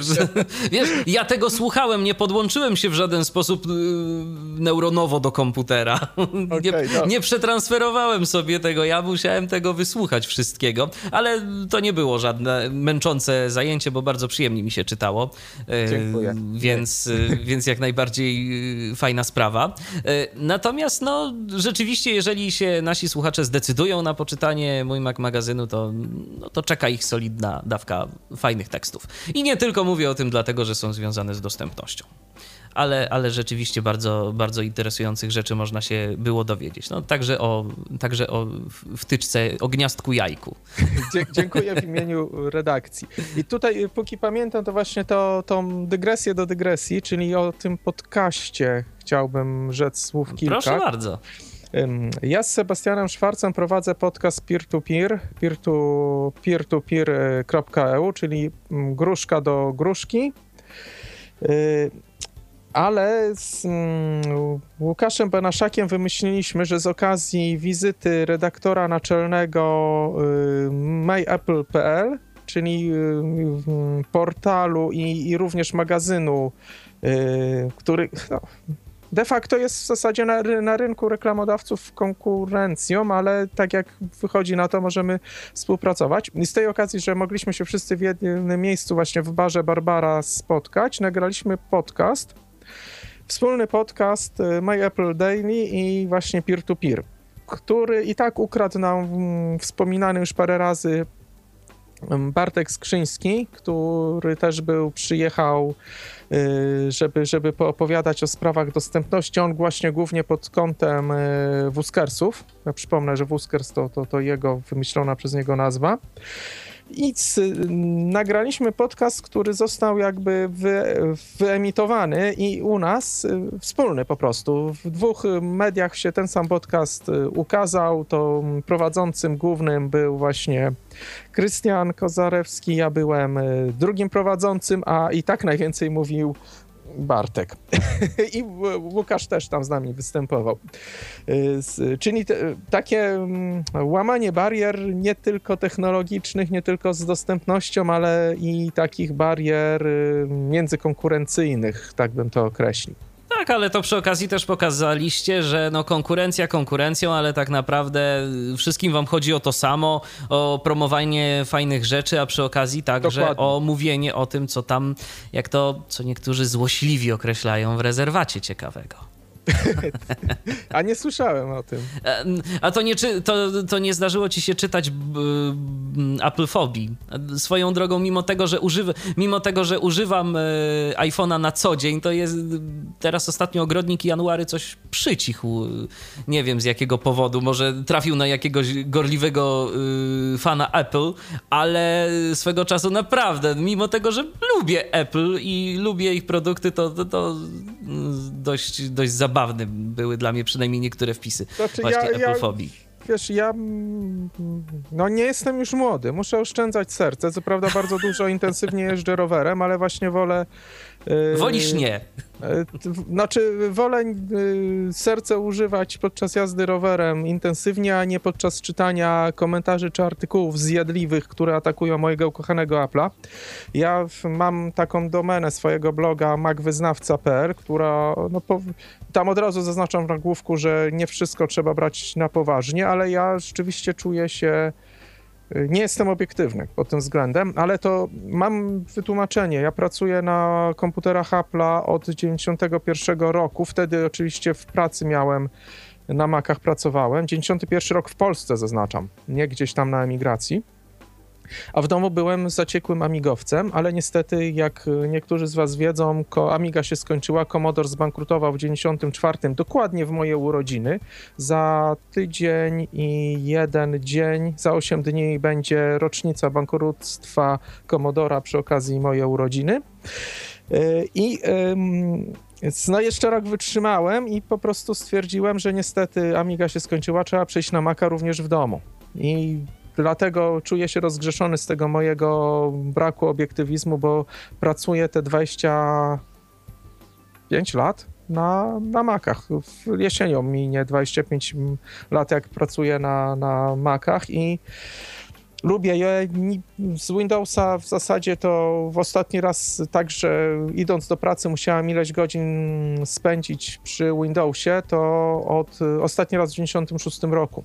Wyobraźcie sobie, 20 lat nie muszę używać Windowsa, mimo że zajmuję To ty się... pamiętasz Windowsa 95 tak nie, naprawdę. to był 3.11. A 3.11 to była jeszcze wtedy. To teraz ja to, pamiętam, to teraz to 95. To teraz to może nawet miałbyś problem, jakbyś tak usiadł przy jakiejś dziesiątce. Nie, no czasem siadam, bo nawet właśnie ostatnio w ramach obowiązków redaktorskich na tym kunapie, na maszynie wirtualnej Windowsa 8, a potem 10 zainstalowałem. E, zresztą jako lokalny wioskowy dostawca internetu czasem muszę do klientów pójść i skonfigurować im te Windowsy, ale głównie poruszam się po ustawieniach sieciowych. Usiłuję odnaleźć, gdzie tam oni znowu schowali MAC adres karty sieciowej, który co wersja Windowsa trzeba szukać w innym miejscu, a przynajmniej ja mam takie wrażenie. E, nie, no ten, nie, nie, nie będę tutaj swoich żalów na Windowsa wylewał, no bo, bo nie mam się co żalić, po prostu go nie używam na szczęście. Okej, okay, rozumiem. No ja akurat używam, ta nasza audycja w całości jest realizowana na, na Windowsach, na dwóch komputerach z Windowsem. Wiem, y, dałoby się ją zrealizować na ćwiartce Maca. Okej. Okay. Dobrze. To. Yy, Okej. Okay. No. A wie, właśnie dostałem y, wiadomość na Twitterze od Pawła. Gorgolewskiego, że on y, nas słucha i, i czytał i od razu wie, załapał o co chodzi z tym gniazdkiem. E, aha, no to, to super. Mm, to A super. on też, z tego co wiem, też ma problemy z widzeniem. To super, to może ja po prostu... Jak... Nie, no się, nie ba, ba, bardzo się cieszę, bo masz rację, że tak to mogło wyglądać. Rzeczywiście nie było napisane gdzie to się wtyka. To, mi, gniazdko to... się, mi gniazdko to się bardziej kojarzy z tym, co w ścianie, a to, to bardziej jakaś taka inteligentna wtyczka. Tak, ale można by to tak nazwać. Oni sami chyba używali tej nazwy, zresztą nie potrafiłem wymyśleć też nawet innej. Ale dobra, już nie męczmy Nie męczmy jajka. tak. Dobrze. Natomiast y, skoro, mm, Jaromirze, jesteś takim mm, wiernym i długotrwałym użytkownikiem Apple'a, to ja chciałbym cię teraz podpytać troszeczkę o te kwestie dostępnościowe. E, czy ty korzystasz z jakichś funkcji e, dostępnościowych, e, czy przed zgłębieniem tematu miałeś rzeczywiście świadomość, że no, faktycznie to w sumie może być użyteczne dla niewidomych, czy a no bo to na przykład, nie wiem, gada mi, no to to fajnie, mogę sobie łatwiej przeczytać jakiś tekst. Tak, tak, nie korzystam za, wyjąt za wyjątkiem czytania czasem z ekranu bo mam, mam tą funkcję zrobioną, to jest bardzo fajnie zrobione, to, to odczytywanie ekranu, bo czasem y, na przykład, nie wiem, no rozwieszam pranie, no coś robię, a chciałbym coś tutaj właśnie, to się rzadko zdarza, ale chciałbym coś mieć przeczytane, no sobie klikam i mi iPhone to czyta. Ale jest jeszcze jedno zastosowanie czytania dla mnie, bardzo ciekawe, to mi podpowiedział kolega z redakcji akurat y, myapple.pl, że mm, dobry sposób na korektę. Zaznaczam tekst, który pisałem i każdy mógł go przeczytać. Yy, na Macu bardzo też dobrze działa czytanie po polsku. I yy, ja nie mam w ogóle pamięci wzrokowej. Mi na przykład wszystko jedno, czy jest który przez uzwykło, czy przez y, zamknięte napisane, ja tego, y, tego nie widzę. Ale na przykład jak się zamieni jakąś literkę, której też bym przegapił, to od razu to słychać, więc odczytywanie tekstu jest bardzo dobrym sposobem na wstępną korektę. Zresztą też fajnie niektóre błędy gramatyczne wychwytuje na słuch. I to nie tylko ja tak robię. Tam właśnie paru redaktorów się przyznało, którzy nie mają problemów z czytaniem wzrokowym, a, a po prostu odsłuchuje czasem swoje teksty w celu dokonania korekty.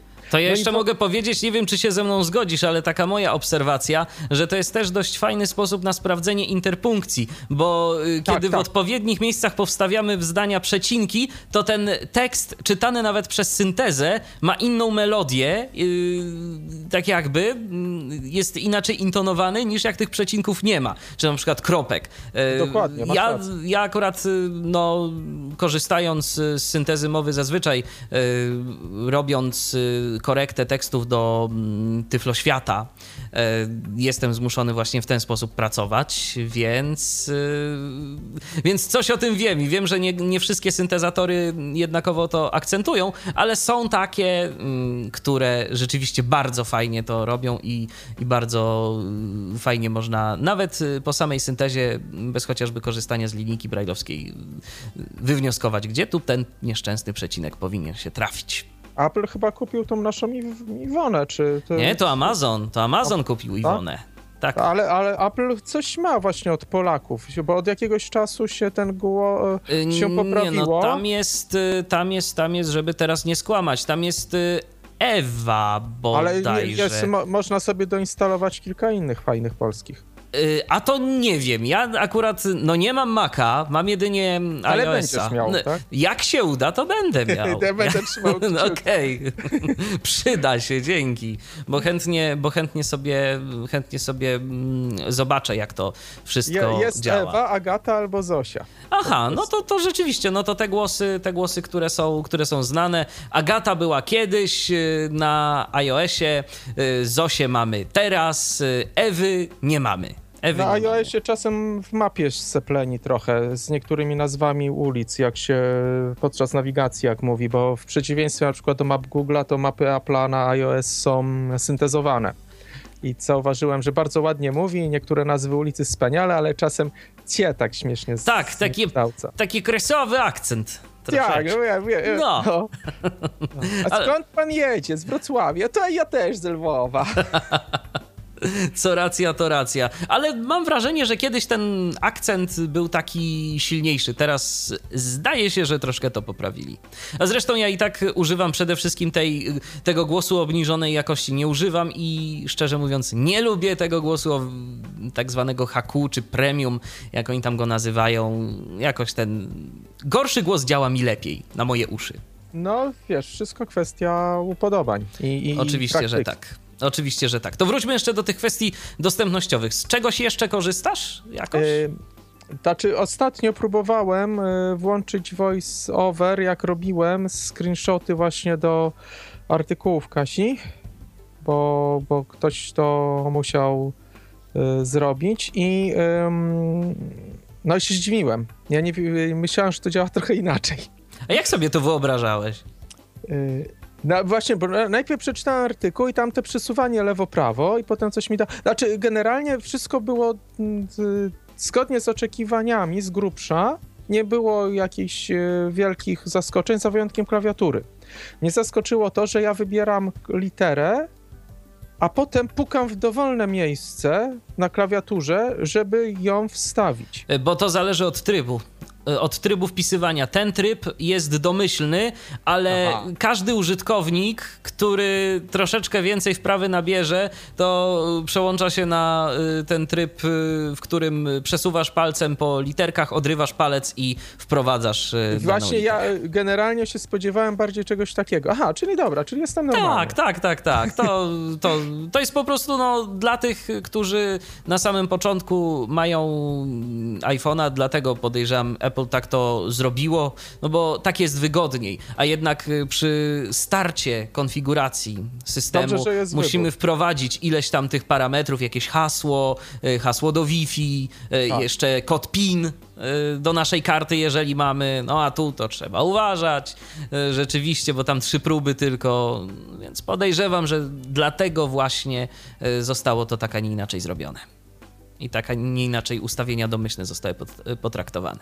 Jeszcze mam z, właśnie z dostępnością czasem od drugiej strony więcej do czynienia, czyli jako programista, ale tu akurat y, ja piszę generalnie dość proste programy, więc większość roboty, 95% odwala za mnie Apple, czyli jego narzędzia, Xcode i tak dalej. Po prostu ja czasem tylko muszę dopisać opisy guzików, gdzie jest tylko zastosowany obrazek i to co prawie jak w HTML-u, dopisać dla niego tekst, który będzie czytany przez VoiceOver.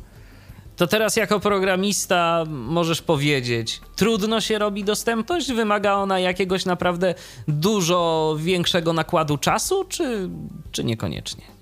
Yy, tak jak mówiłem, przy prostych programach to jest, to jest proste, bo generalnie tam nie ma nic. Yy, E, nic zaawansowanego mamy, jeżeli mamy tekst na ekranie, no to VoiceOver to przeczyta. Jeżeli mamy guzik tekstowy, to on przeczyta ten tekst. Jeżeli mm, zużywaliśmy jakiegoś, e, albo nie ma tekstu na guziku, bo jest tylko obrazek, albo jest tekst bardzo skrótowy, bo a chcielibyśmy dać lepszy opis, no to w pole, gdzie konfigurujemy guzik, dopisujemy tekst voiceover.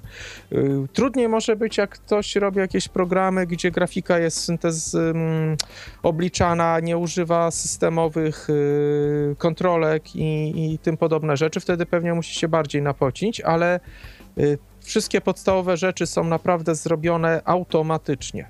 To tak, to jak ktoś o to nie zadba, to musi być wyjątkowym leniem albo niechlujem po prostu, bo to jest, y, jeżeli powiedzmy mamy 50 guziczków, to opisanie 50 guziczków to może być godzina roboty. Ewentualnie czasem ktoś naprawdę się. Ja mam wrażenie, niekiedy obserwując chociażby aplikację player.pl, yy, że ktoś naprawdę się musiał nieźle postarać, żeby ją zrobić niedostępną, bo kiedyś ona dostępna była, a później ktoś tak pokombinował, że, że z tej aplikacji po prostu w tym momencie korzystać się nie da. Yy, no chyba, że ktoś będzie wszystkiego, yy, wszystkiego wyszukiwał za pomocą wbudowanego narzędzia w postaci wyszukiwarki. No to może jakoś mu się uda. Ale podejrzewam, że też by mu nie pomogło, bo jak e, są złe opisy, to i wyszukiwarka tekstu. Wiesz co, tak, ale jeżeli znasz e, audycję, znasz materiał, Aha, który chcesz tym, obejrzeć, okay. wpiszesz e, to w wyszukiwarkę, to, to tam, na myśli, to tam chyba drugi guzik od góry uruchamia to, co chcesz, ale to już jest y, z gatunku naprawdę takiego niemalże survivalu y, operacja. Żeby, to jeszcze taka mała uwaga, pomóc. która mogłaby wytłumaczyć, czemu oni tak y, kiepścili tą robotę, bo jak ktoś, tak jak ja, najwięcej stara się robić przez inter, interfejsu przy programowaniu, przez interfejs buildera, buildera to jest właśnie ten mój problem z, z angielskimi nazwami, narzędzie, w, które jest y, składnikiem Xcode'a do, do tworzenia aplikacji. Y, to, to, tak jak mówiłem, wpisuję i już, ale niektórzy pro guziki, zresztą mi też się czasem zdarza, wygodnie jest stworzyć programowo i umieścić gdzieś go na ekranie. Jest to kontrolka systemowa, ale tworzona przez kod, czyli nie, nie, nie rysuję jej na ekranie i podłączam gdzie trzeba, tylko wpisuję w kodzie. I tutaj y, no, trzeba dodać dodatkową komendę opisującą właśnie, podającą voiceover. Czyli może komuś zabrakło tej jednej linijki, nie chciało mu się wpisać, a może nie wiedział jak, bo szczerze mówiąc ja nawet nie wiem jak ta komenda wygląda, bo ja to robię zawsze graficznie. Rozumiem. No to rzeczywiście, no ale w każdym razie fakt pozostaje faktem, że kiedyś to działało, teraz niestety yy, działać nie bardzo może, chce. Może nas posłuchają i może coś z tym zrobią. Pisałeś do nich? Yy, ja akurat nie, ale wiem, że kilka osób pisało. Wiem, nic. że kilka osób pisało i nic. No, może kiedyś. Może kiedyś się uda. Yy, bo no, fakt faktem, że fajnie byłoby mieć dostęp, bo z IPLI jakoś, bo jakoś, ale da się korzystać. Z wersji na wersję tam się trochę zmienia, ale yy, nadal ta aplikacja jest yy, używalna jeżeli chodzi o jej wersję na iOS. Y, czy jeszcze jakieś takie rozwiązania dostępnościowe są u Ciebie w pakiecie albo podstawowym, albo okazjonalnym używane? Nie, nie, nie, nic mi nie przychodzi do głowy, szczerze mówiąc, bo, bo nie mam. Hmm, mm, nie, chyba że jest coś tak y, trywialnego, że nawet nie zwracam na to y, uwagi. To znowu właśnie dla osób, które mają problemy ze słuchem, to przez jakiś czas miałem włączone mruganie przy powiadomieniach lampą błyskową w iPhone'ie. To to z takich rzeczy y, jakby dostępnościowych. I to się w jakich sytuacjach y, tobie na przykład przydawało? Jak y, nie chciałem, żeby. Znaczy, ja chciałem, żeby był wyciszony iPhone, ale jednocześnie nie chciałem przegapić jakichś połączeń. To wtedy ostro tą lampą dawało, że robiło się jasno w pokoju i wiedziałem, że ktoś do mnie dzwoni. Rozumiem, w ten sposób to u ciebie działało. Y, to w takim razie. A jeszcze wiesz co? Y, no, czekam z utęsknieniem na polską Siri, bo tak jak już się przyznałem, z angielskim mam problemy. To nie tylko ty czekasz. Angielsk, tak, ja ciągle mówię, miała być na koniec zeszłego roku według moich wróżb, miała być jak zegarek w Polsce zaczną sprzedawać i nic, i ciągle nic.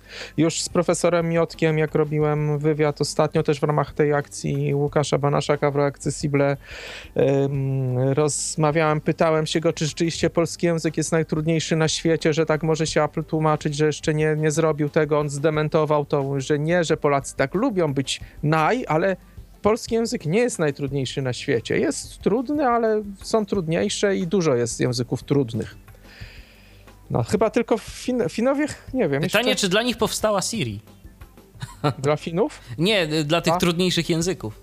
Y, no, to kwestia, właśnie muszę sprawdzić, ale fiński jest uważany za bardzo trudny i chyba, chyba Siri już jest. No i chiński chyba też swoją drogą. Nie, chiński jest prosty. Chiński jest prosty? Aha. Tak, ja mówiłem o fińskim, tak, tak, tak, tak. słomi.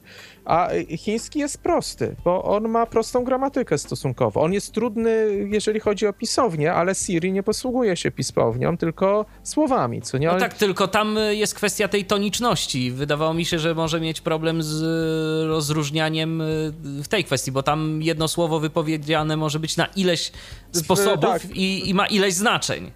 Tak, ale to jest łatwiej opanować niż, yy, bo jakby odczytywanie mowy to nawet po polsku sobie już bardzo ładnie iOS i Mac sobie bardzo moim zdaniem ładnie radzą z dyktowaniem, ale jest problem. A właśnie, korzystasz z dyktowania głosowego? Yy, nie nagminnie, ale dość często. Rozumiem. Jest, no, ale na przykład wystarczy, że coś robię w kuchni, mam umazane ręce, co nie? To jeden czysty palec, to tam odblokuję, wcisnę y, tą mikrofonik i, i dyktuję wiadomość czy coś. I w, więc się przydaje, ale y, w, z polskim językiem jest ten problem, że na przykład szyk zdania mamy dowolny. Możemy sobie zacząć jak chcemy i skończyć jak chcemy i zdanie będzie poprawne gramatycznie i ludzie tak mówią. Raz zaczynamy od, to właśnie też profesor Miodek mówił, raz od orzeczenia, przestawiamy kolejność jak chcemy, a większość języków szyk zdania ma sformalizowany. I jak to potem zrozumieć? Czy wiesz, ja mogę zapytać na, o, o pogodę nie na kilkanaście sposobów, jaka Anglika, na setkę, co nie? Bo kilka sposobów ze zmienionym szykiem zdania. No i niech tu Siri rozkmini to wszystko. To się zgadza, więc rzeczywiście no, jest tu. Ale czekam, czekam, bardzo no, czekam. No ja też czekam, ja też czekam, bo rzeczywiście to jest y, fajna sprawa y, i też chętnie bym sobie skorzystał z możliwości, y, jakie daje y, Siri. Y, stworzyliście numer o dostępności, mówię tu mm, o mój Mac magazynie. Y, to ja się chciałem zapytać, jakie plany dalsze związane z dostępnością i czy w ogóle jakieś macie? Będziecie ten temat kontynuować? Powiem tak, że myślimy mocno nad tym. Na razie to mm, był taki to generalnie wyszło to taki, taki strzał, to był taki, takie olśnienie, co nie rzecz, że można było coś takiego zrobić, jeszcze nikt czegoś takiego w, nazwijmy to w prasie, jak ty ładnie mówiłeś, mainstreamowej, yy, zajmującej się urządzeniami, znaczy użytkownikami urządzeń Apple'a, yy, nikt czegoś takiego nie zrobił na taką skalę i a teraz widzimy, że wypadałoby coś pociągnąć dalej. Są Myślimy nad tym, nie jest to sprecyzowane. Chcemy to ugryźć na kilka sposobów, też nie mogę za dużo powiedzieć, bo nie, nawet już nie chodzi o samą jakby tajemnicę redakcyjną, ale nie jest to jeszcze dokładnie sprecyzowane, ale będziemy nie, zostawi, ta, ta, nie zostawimy tego tak, tylko że no, mogę już powiedzieć, że w majowym numerze to specjalnie nic nic w tym temacie nie będzie, bo on już poszedł do druku, znaczy do druku, do korekty, ale nie, nie odpuścimy. Nie będzie to może co miesiąc, ale coś się będzie wydarzało w tym temacie, bo to jest, y, to jest ciekawe dla wszystkich, nie tylko dla osób, które mają właśnie problemy z y, dostępnością, tak to nazwijmy. Y, tak, bo to... czasem może się okazać tak, że rzeczy i funkcje, które zostały zaprojektowane z myślą o osobach no, na przykład niewidomych, mogą się przydać również innym grupom użytkowników, chociażby osobom starszym.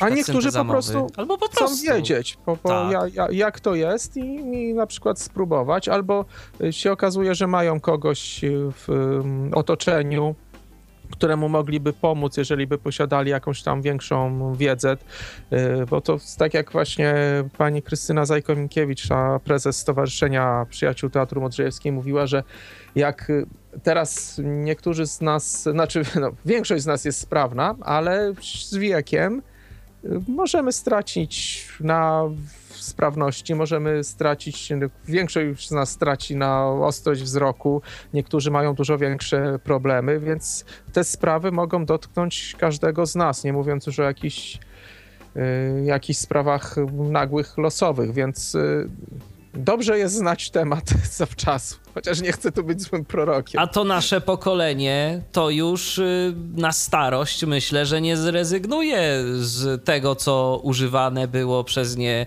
y, w młodszym wieku, czyli z jakichś właśnie smartfonów albo innej użytkowej elektroniki i się będzie domagało tego, żeby mimo tego, że wzrok nie ten, słuch nie ten, coś tam jeszcze nam szwankuje, to żeby, mo żeby można było z tego korzystać. I to w sumie dobrze, bo przy okazji yy, będzie coraz więcej powstawać takich technologii y, uniwersa uniwersalnie zaprojektowanych i dla każdego.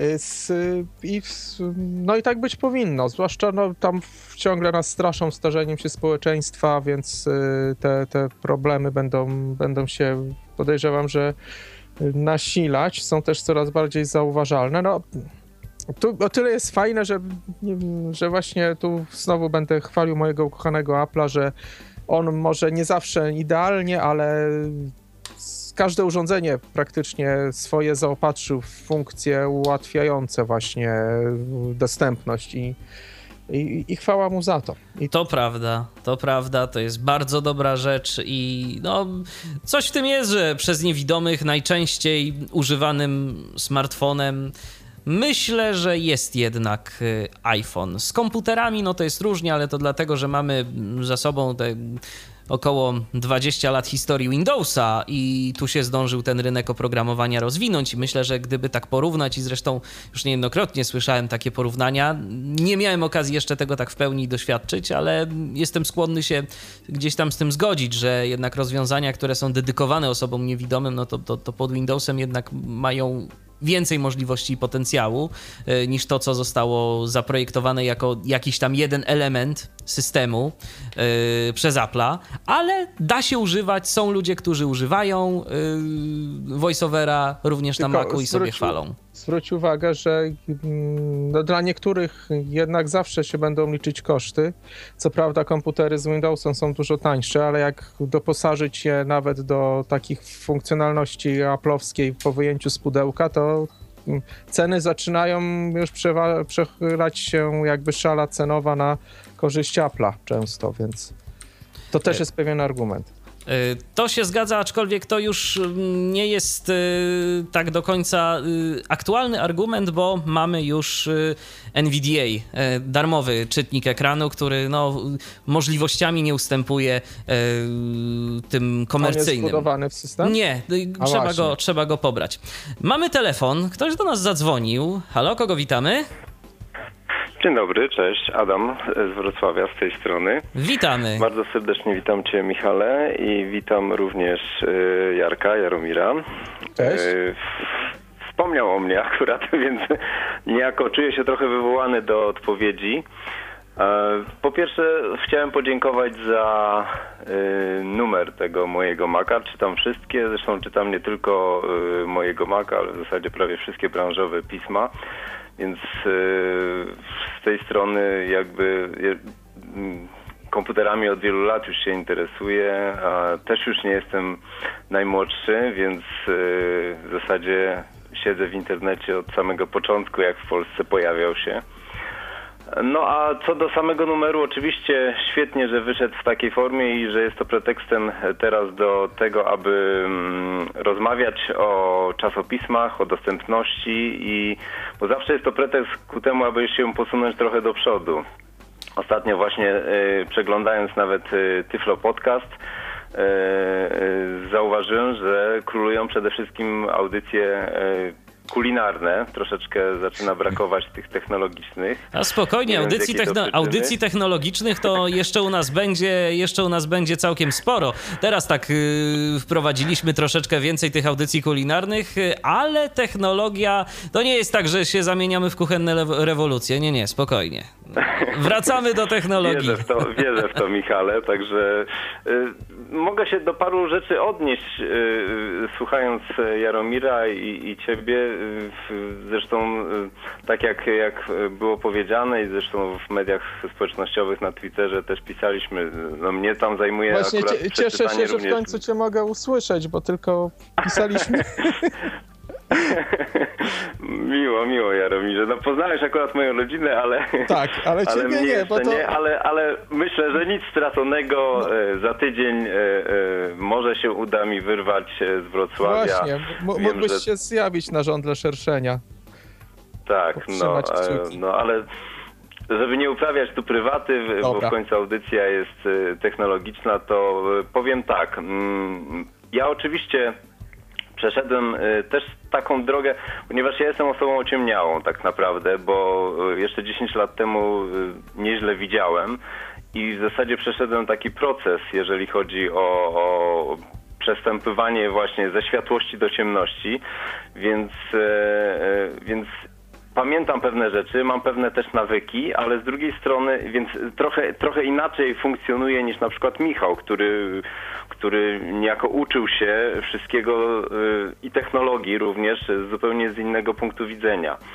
Y, ja pamiętam jeszcze też i Windows 3.11 i 95, ale ale... No wiesz, moim pierwszym komputerem momencie... był, moim pierwszym komputerem to jeszcze tak powiem jako ciekawostkę był Commodore 64, y, który udawało mi się jakoś w minimalnym stopniu obsługiwać kompletnie bez użycia wzroku. To... No tak, tak, tak, tak.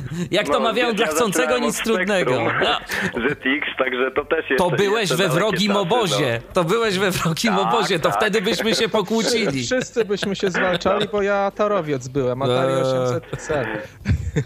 To prawda, to prawda.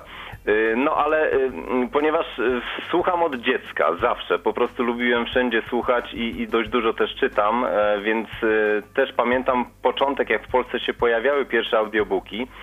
E, byłem zachwycony tym, chociaż y, dla, dla młodszych trzeba tu przypomnieć, że tak naprawdę Polska tutaj, może Polacy nie gęści swój język mają i, i swoje audiobooki pierwsze mieli w postaci słuchowisk radiowych, bo to w zasadzie były pierwsze audiobooki, zanim się pojawiły w takiej normalnej formie oficjalnej, jak to wyglądało No i też jeszcze spore zachodzie. zasługi ma tu Polski Związek Niewidomych, Zakład Nagrań i Wydawnictw, rację, który już od kilkudziesięciu lat nagrywa y, te tak zwane książki mówione, bo to wtedy się tak nazywało. Tak, tak, tak. Książka tak, mówiona. No, ale ja muszę powiedzieć też, że o ile jestem wielkim zwolennikiem i fanem audiobooków, to e, w pewnym momencie zaczęło mi przeszkadzać wolne czytanie i faktycznie mm, w tej chwili e, korzystam z e, Voice Dream Recorder. Readera. Voice Dream Readera, który, który świetnie sobie radzi i z PDF-ami, i z różnymi innymi formatami. I też wolę szybciej też przeczytać, także y, że faktycznie, y, ale audiobook to jest troszeczkę inna przyjemność i tak jak miałem okazję tweetować y, z naczelnym Przemkiem Marczyńskim, który powiedział właśnie, że szybko można, ale audiobook jest ładnie przeczytany. I A to, to prawda, że to prawda że czasami jest tak, że, że nawet kiepski tekst yy, yy, słabej jakości czy słaby merytorycznie, pięknie przeczytany przez aktora, też nas zachwyci, zainteresuje i może też pobudzi do myślenia. Więc to, to nie tylko jest y, jakby to, że po audiobooka sięgamy y, z powodów takich, że nam się nie chce czytać. Myślę o osobach widzących, prawda? Y, no ale po prostu z czasem dla samej przyjemności po prostu słuchania, tak jak słuchamy radia, też dla pewnej przyjemności. To ja w takim razie mam pytanie no. tak z innej beczki. Z jakiego, mhm. z, z, jakich technologii korzystasz? Wszystko Apple'a, czy jednak tam gdzieś ten Windows się pojawia w twoim komputerowym To znaczy tak, świecie? ja oczywiście wyszedłem z Windowsów. E, prze, przesiadłem się na, na Apple'a i, i, jestem gorącym oczywiście, jak tutaj Jaromir, zwolennikiem Apple'owskiego M Mówisz tak dlatego, że cię słucham, czy... Nie, nie, mówię tak okay. po prostu, bo, bo y, jak mówię też y, kwestia wygody. Znaczy największą trudność, jaką mi sprawiało, to pewne faktycznie przyzwyczajenia i po prostu trzeba się uczyć od nowa pewnych rzeczy. Więc jeżeli ktoś tylko siedział w jednym jakby e, obozie, w jednym środowisku, to dla niego przejście zawsze będzie kłopotliwe i większość tych narzekań, które funkcjonują w necie, wynikają właśnie z tego, że mm, trochę, trochę z lenistwa, że nie chce nam się uczyć e, po raz kolejny nowych programów. Gdzie są te skróty? A to z tej strony jest zamknięcie, a to z tamtej strony. E, mm, wejście w środowisko środowisko eplowskie ma jeszcze tą mm, trudność, że, że dużo rzeczy, jeżeli dla osoby, ja, ja mam takie głosy z osób widzących, że, że nie mają opisane, nie mają tych, y, tych tak zwanych drobnych y, dymków, które się pojawiają w Windowsach i, i nie mogą, muszą po prostu znaleźć to. Inna rzecz, że w technologię w środowisku Apple po prostu jest wszystko logicznie poukładane. To się trochę teraz psuje, to tak na marginesie, ale, ale tak zawsze było, że, że po prostu było to logicznie rozwiązane i, i, i mądrze. I po prostu nawet osoba zupełnie zielona w technologii, no po jakimś czasie gdzieś tam sobie odnalazła to.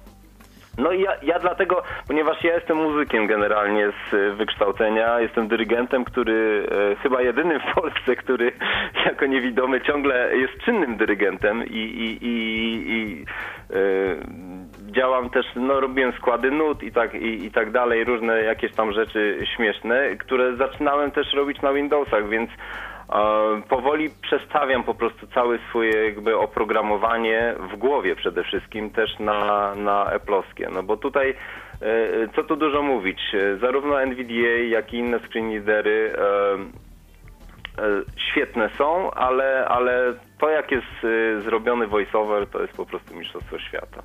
No to powiem, no, to po, powiem szczerze, zdanie. bardzo chętnie, bardzo chętnie to już niebawem, mam nadzieję, uda mi się zweryfikować. No i zobaczymy, bo sam jestem ciekaw, na ile da się korzystać z Apple'a w sposób taki rzeczywiście całościowy. No ja już na przykład wiem, że y, pewnych rzeczy, mm, które ja wykonuję w swojej pracy na co dzień, nie będę w stanie zrobić, no to dlatego, że na przykład w dużej mierze pomagam użytkownikom Windowsów i y, łączę się z nimi poprzez no, to rozwiązanie zdalne NVDA. No tego na mm, Apple'u po prostu nie ma, siłą rzeczy, bo jak, jak z Jaromirem rozmawialiśmy sobie mm, y, jeszcze poza anteną, to, to stwierdził, że w sumie można by było napisać interpre- jakby implementację tego. No można by było, tylko yy, to wymagałoby gdzieś tam sporej ilości nakładu czasu, żeby to zrobić. Natomiast... A ciekawe, czy może już gdzieś nie ma. E, wiesz co, wątpię. Szczerze wątpię. No, tak, tak, samo ostatnio rozmawiałem z kolegą, właśnie Aha. on też ma problemy z widzeniem, ale nie, nie jakieś takie strasznie wielkie, ale... Mm, Y, jest muzykiem i szukał, poprosił mnie, ile byś wziął za napisanie programu do y, przechowywania takiego mm, y, tekstów piosenek na iPhone'a. A ja mówię, wiesz co, poszukaj. No i znaleźliśmy od razu ze cztery, z czego jeden mu już tak przypadł do gustu. Znaczy to trywialny pomysł, ale się śmieję, że zawsze można coś znaleźć. No ja nie mówię, że na pewno jest, ale kto wie. A taka dygresja, jak będziesz się mhm. przysiadał na Maca, to to, co już kiedyś mówiłem, to pamiętaj, że najważniejsze będzie i najtrudniejsze pozbyć się złych nawyków z Windowsa. No niestety, tak zawsze jest właśnie. To ja mogę też powiedzieć jako nauczyciel e, e, fortepianu, że, że jeżeli dziecko sobie nabierze złych nawyków, to to jest najtrudniejsza później praca. Po prostu e, mm, fatalnie się wykorzenia złe nawyki. Wiecie, tylko złe, tak naprawdę, prawda? czy to są, czy to no. są nawyki złe? To, to, to jest po prostu inny sposób korzystania e, z danego oprogramowania i sprzętu. Równie dobrze, no rację, równie Michale, dobrze można to wiesz, w drugą stronę odwrócić, tak? Bo, bo... Wiesz, e, powiem ci tak, tu trochę masz rację, ale nie ze wszystkim, bo są sytuacje, gdzie człowiek posadzony, który nigdy nie pracował na, na komputerach, posadzony do Maca od razu potrafi coś zrobić, a posadzony do PC-ta niekoniecznie, do Windowsa.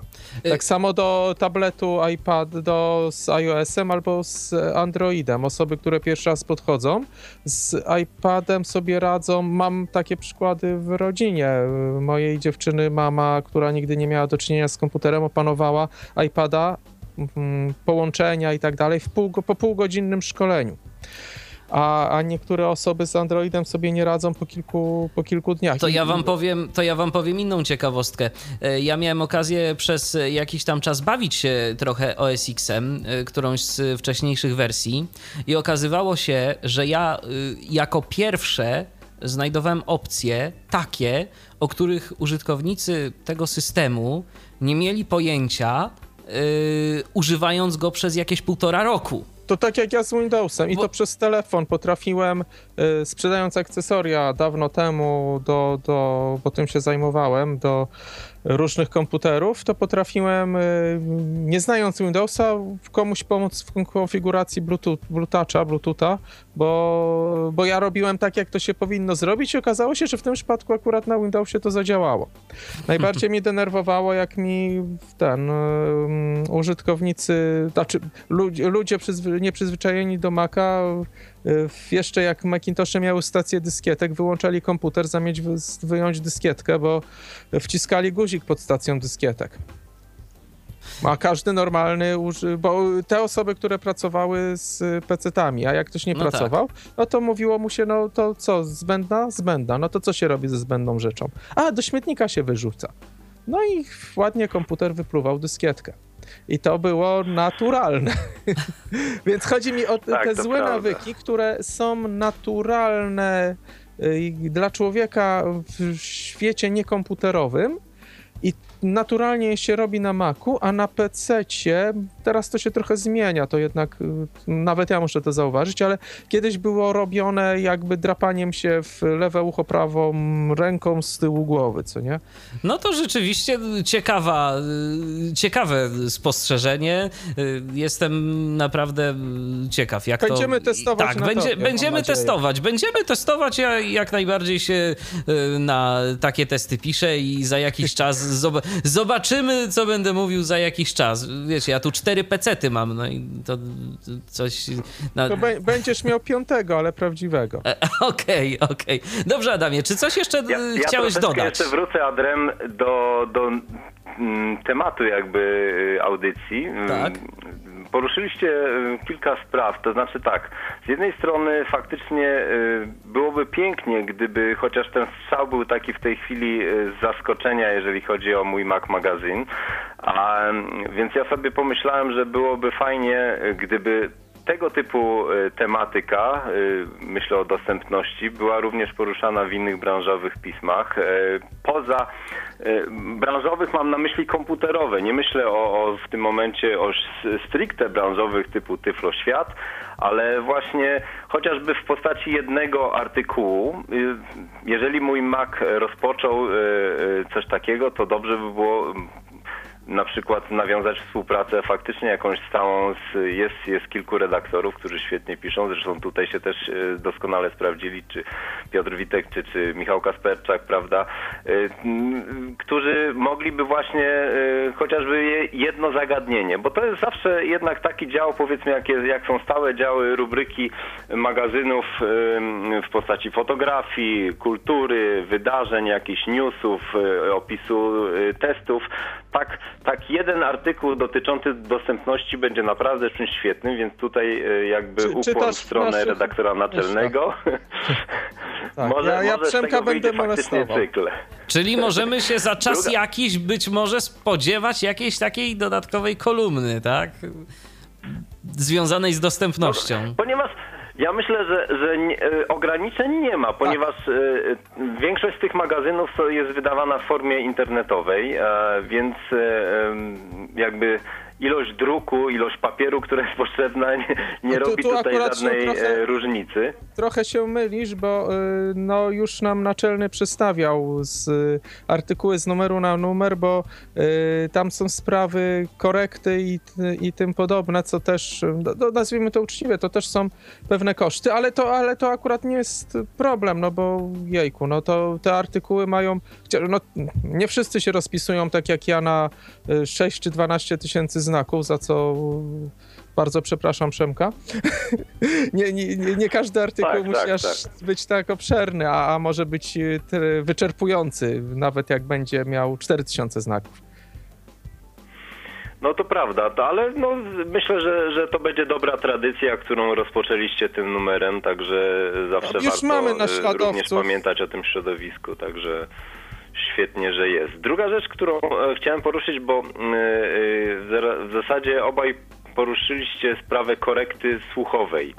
Mhm. E, Ja sobie tak pomyślałem, że ta korekta świetnie działa, ale działa ona tylko w wolnym tempie. Tak jak Michał słucha e, generalnie syntezy, e, to troszeczkę nie chce mi się wierzyć, że, że jest w stanie wysłyszeć wszystkie błędy, które się pojawiają, bo nawet korzystając, no już prze, przetestowałem naprawdę przeróżne tutaj możliwości syntezy od voiceovera poprzez różne głosy, które są poiwone i tak dalej to, mm, to wszystko świetnie działa w odpowiednim tempie, wolnym takim, jeżeli skupiamy się faktycznie, ale jeżeli słuchamy tak cięgiem książki, y, notabene nie wszystko da się słuchać w takich wielkich prędkościach, powiedzmy po 400 znaków na minutę, ale y, bo są książki, nad, nad którymi trzeba się zastanowić. Są książki, ja na przykład w tej chwili na studiach przerabiam y, dość specjalistyczną literaturę. Y, Uczę się też, jestem na filologii, akurat uczę się hebrajskiego, więc e, e, nie da się ich po prostu w takim tempie No nie, no takich słuchać. książek nie. I takie książki dobrze jest mieć też pod palcami, jeżeli dotyczą one kwestii jakichś językowych. Natomiast wiesz, e,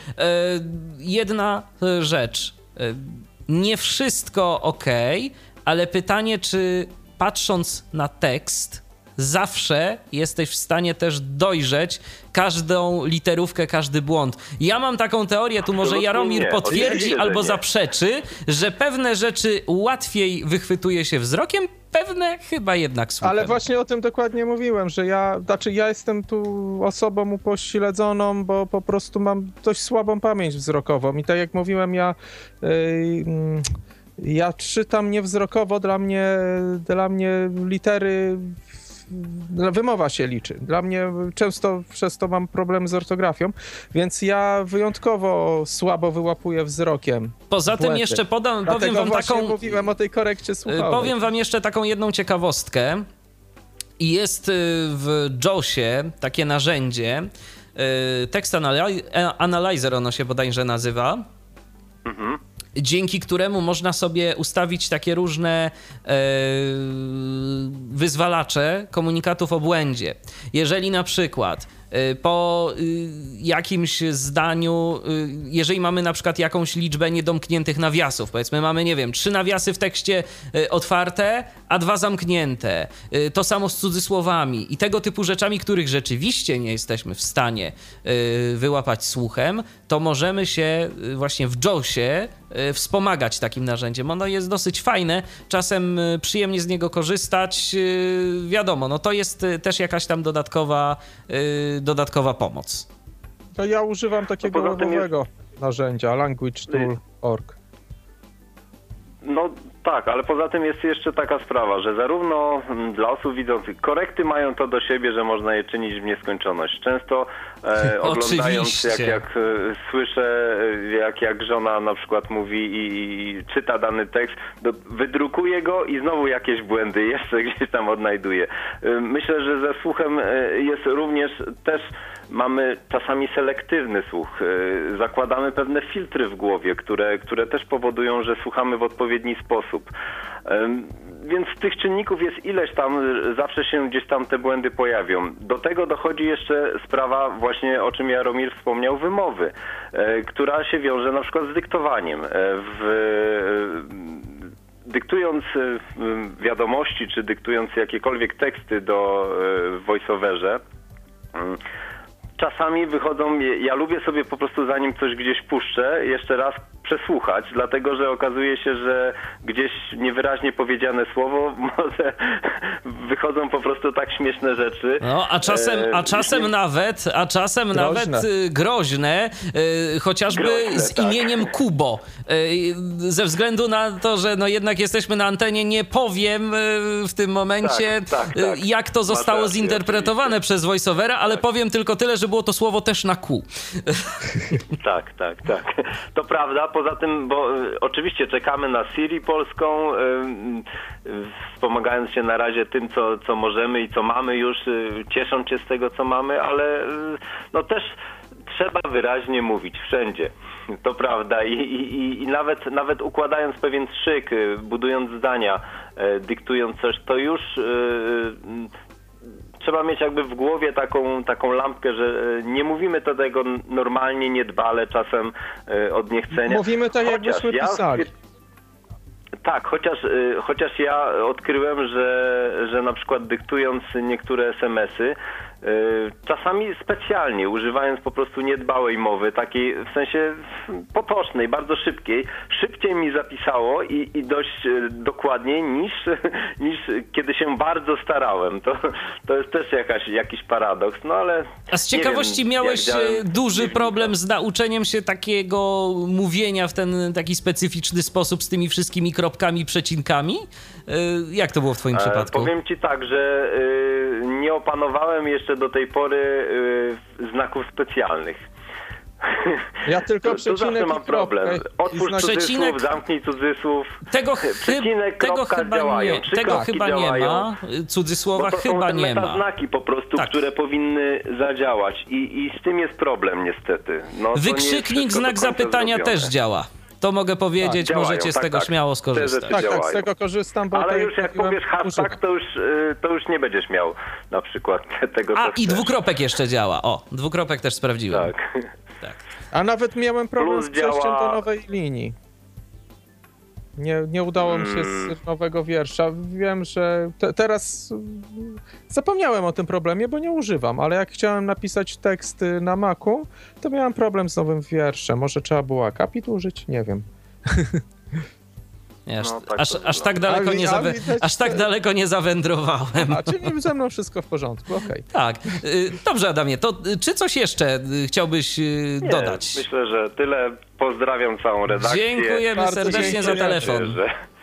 No, wszystkiego dobrego. Wzajemnie. Cześć. Trzymaj się, do usłyszenia. Pozdrawiamy. No, mieliśmy słuchacza, mm, bardzo fajny telefon. Jeżeli ktoś jeszcze miałby ochotę zadzwonić, no to ostatni dzwonek tak naprawdę, żeby to zrobić, bo za moment będziemy powoli kończyć. Tym bardziej, że jeszcze mam tu e, wypowiedź e, jednego z autorów, którą na koniec e, tej naszej dzisiejszej audycji będę chciał zaprezentować. Mianowicie Michał Kasperczak kilka słów do mikrofonu jeszcze powiedział, ale Michała posłuchamy za moment, bo jeszcze mm, Jaromirze, ciebie troszeczkę chciałbym mimo wszystko pomęczyć o te plany na przyszłość. To już tak się gdzieś tam powiedziałeś, że prawdopodobnie no, będą się pojawiać te teksty dotyczące to, dostępności. do, dokładnie właśnie jak, jak to w, było teraz zauważone, to nie jest wielki problem, bo, bo mamy, mamy kontakty i to jest fajne. To, y, ja nie chcę, znaczy nie no jejku, no czemu, to jest, nie oszukujmy się, temat ten pomału on jest nośny. Po prostu to jest nośny temat. Tak jak tutaj tak łatwo udało nam się Orange do, do um, jakby do pomocy, o, pomoc od Orange uzyskać, tak mm, no, ten temat jest nośny, ten temat jest ważny, ten temat y, y, tak jak już też mówiliśmy, jest dobry i dla, dla wszystkich, i dla sprawnych, i dla mniej sprawnych i a teraz jak już mamy przytartą ścieżkę, to, to podejrzewam też, że tak jak y, Adam zauważył, będzie. mm, Bo już zdarzają, zdarza się, że mamy naśladowców innych, y, innych rzeczy, które wprowadziliśmy pierwsi jakby na, na, tym, y, na tym poletku, więc podejrzewam, że możliwe, że y, będzie więcej. Nie, nie tylko my się zajmiemy tym tematem, chociaż no, ja tu wiadomo, jako egoista, no, będę pilnował, żebyśmy byli wiodący. Żebyście się najlepiej tym tematem zajęli. Tak, tak, już podejrzewam, że już tyle słów padło, że teraz Przemka nie, nie będzie problemu, żeby yy, przy, z Przemkiem się dogadać, żeby cudzysłowie przemycić właśnie ten jeden artykuł. Może już od, właśnie też nie mogę zdradzić tematu, ale już widzę pewien pretekst y, w czerwcowym wydaniu nie uprzedzajmy wypadków, ale już mi się takie lampki zapalają. Dobra, bo. Dobrze, ten, to, bo, dziwne, bo, za dużo powiesz. Tak, y, nie wiem, czy pamiętacie taki, taką kreskówkę pomysłowy Dobromir. Podobne imię do mojego, Jaromir Dobromir. Tam jak y, chłopak, to Adam Słodowy był scenarzystą, jak chłopak wpadał na jakiś pomysł rozwiązania problemu, to mu się taka żaróweczka na głowie pojawiała. I taką, tak dziwnie się marszczył. Właśnie czuję coś takiego u siebie teraz. No to będzie ciekawie. A, a propos tego, mm, co prezentujecie w mój Mac magazynie, y, to może co nieco opowiesz jeszcze w ogóle o, o czasopismie, o, o tym, co wokół niego się dzieje, dzieje, bo czy to jest samo czasopismo, czy jeszcze jakieś działania przy okazji także prowadzicie? Znaczy, y, y, zaczęło się od blogu mój, y, mój mac.pl i tam, tam to wszystko jest na Właśnie, na mój, mój mac.pl przeskaczy przez C, bo to jest C. Przez jak C. nazwa własna. Mhm. I, i, i, I przez O. No tak, tak, tak. Mój mac. Mój mac. I yy, to, to był blog prowadzony przez Przemka.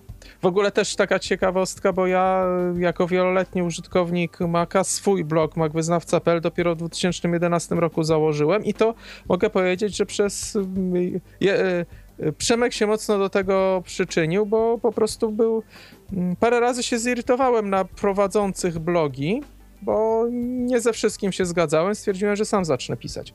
I potem właśnie też jak te, te losy się układają, a teraz y, razem współpracujemy, on jest naczelnym, ja, ja redaktorem i razem tworzymy ten blog, który kiedyś, jego, który kiedyś mnie parę razy zdenerwował.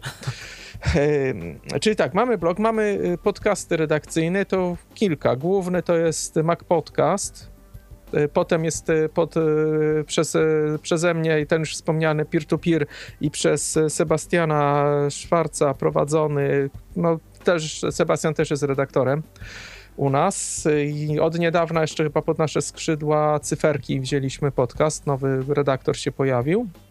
Więc mamy tak, mamy miesięcznik, mamy bloga, mamy podcasty.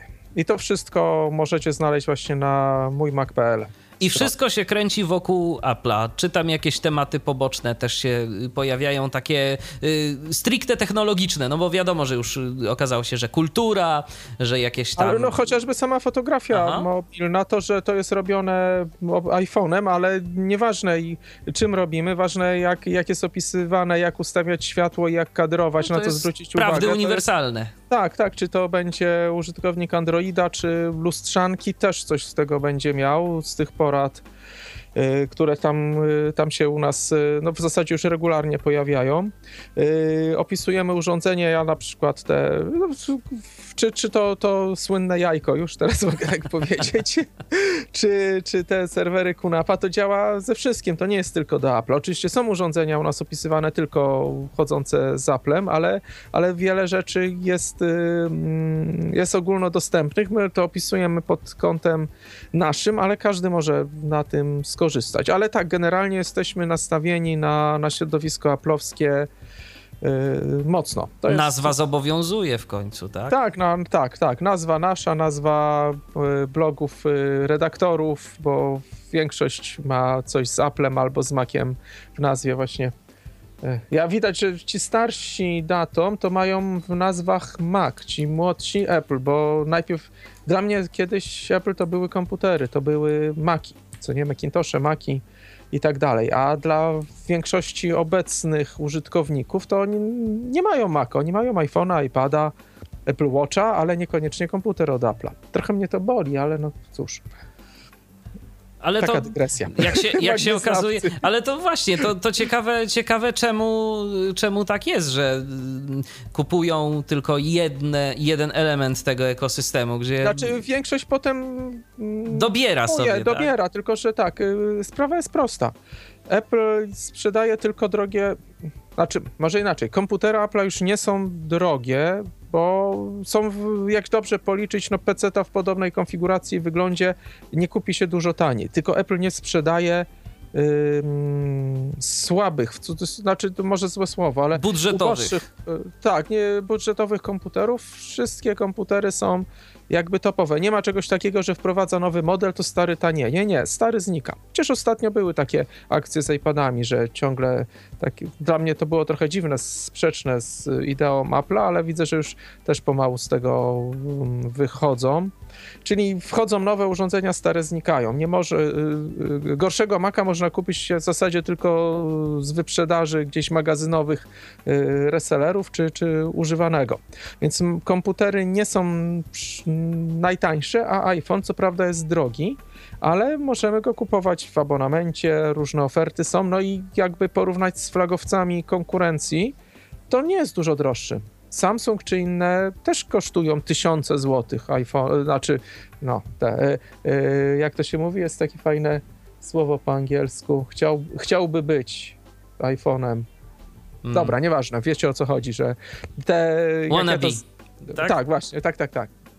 Czyli te produkty firm innych, które aspirują do bycia iPhone'em, też nie są tanie. I tutaj iPhone jest, czy iPad jest dość prostym wyborem, bo co prawda można tablet kupić za 200 zł, ale za 1200 można y, kupić y, i iPada i tablety konkurencji w podobnych cenach. A komputer to się zgadza. mocniej odstaje cenowo, bo można kupić sobie notebooka za 1200 zł, co nie i też będzie działał.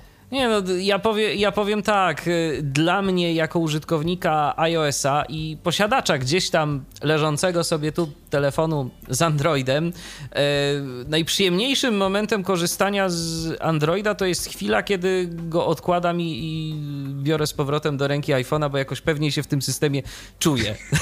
Najzwyczajniej na świecie po prostu. Lejesz miód na moje uszy normalnie.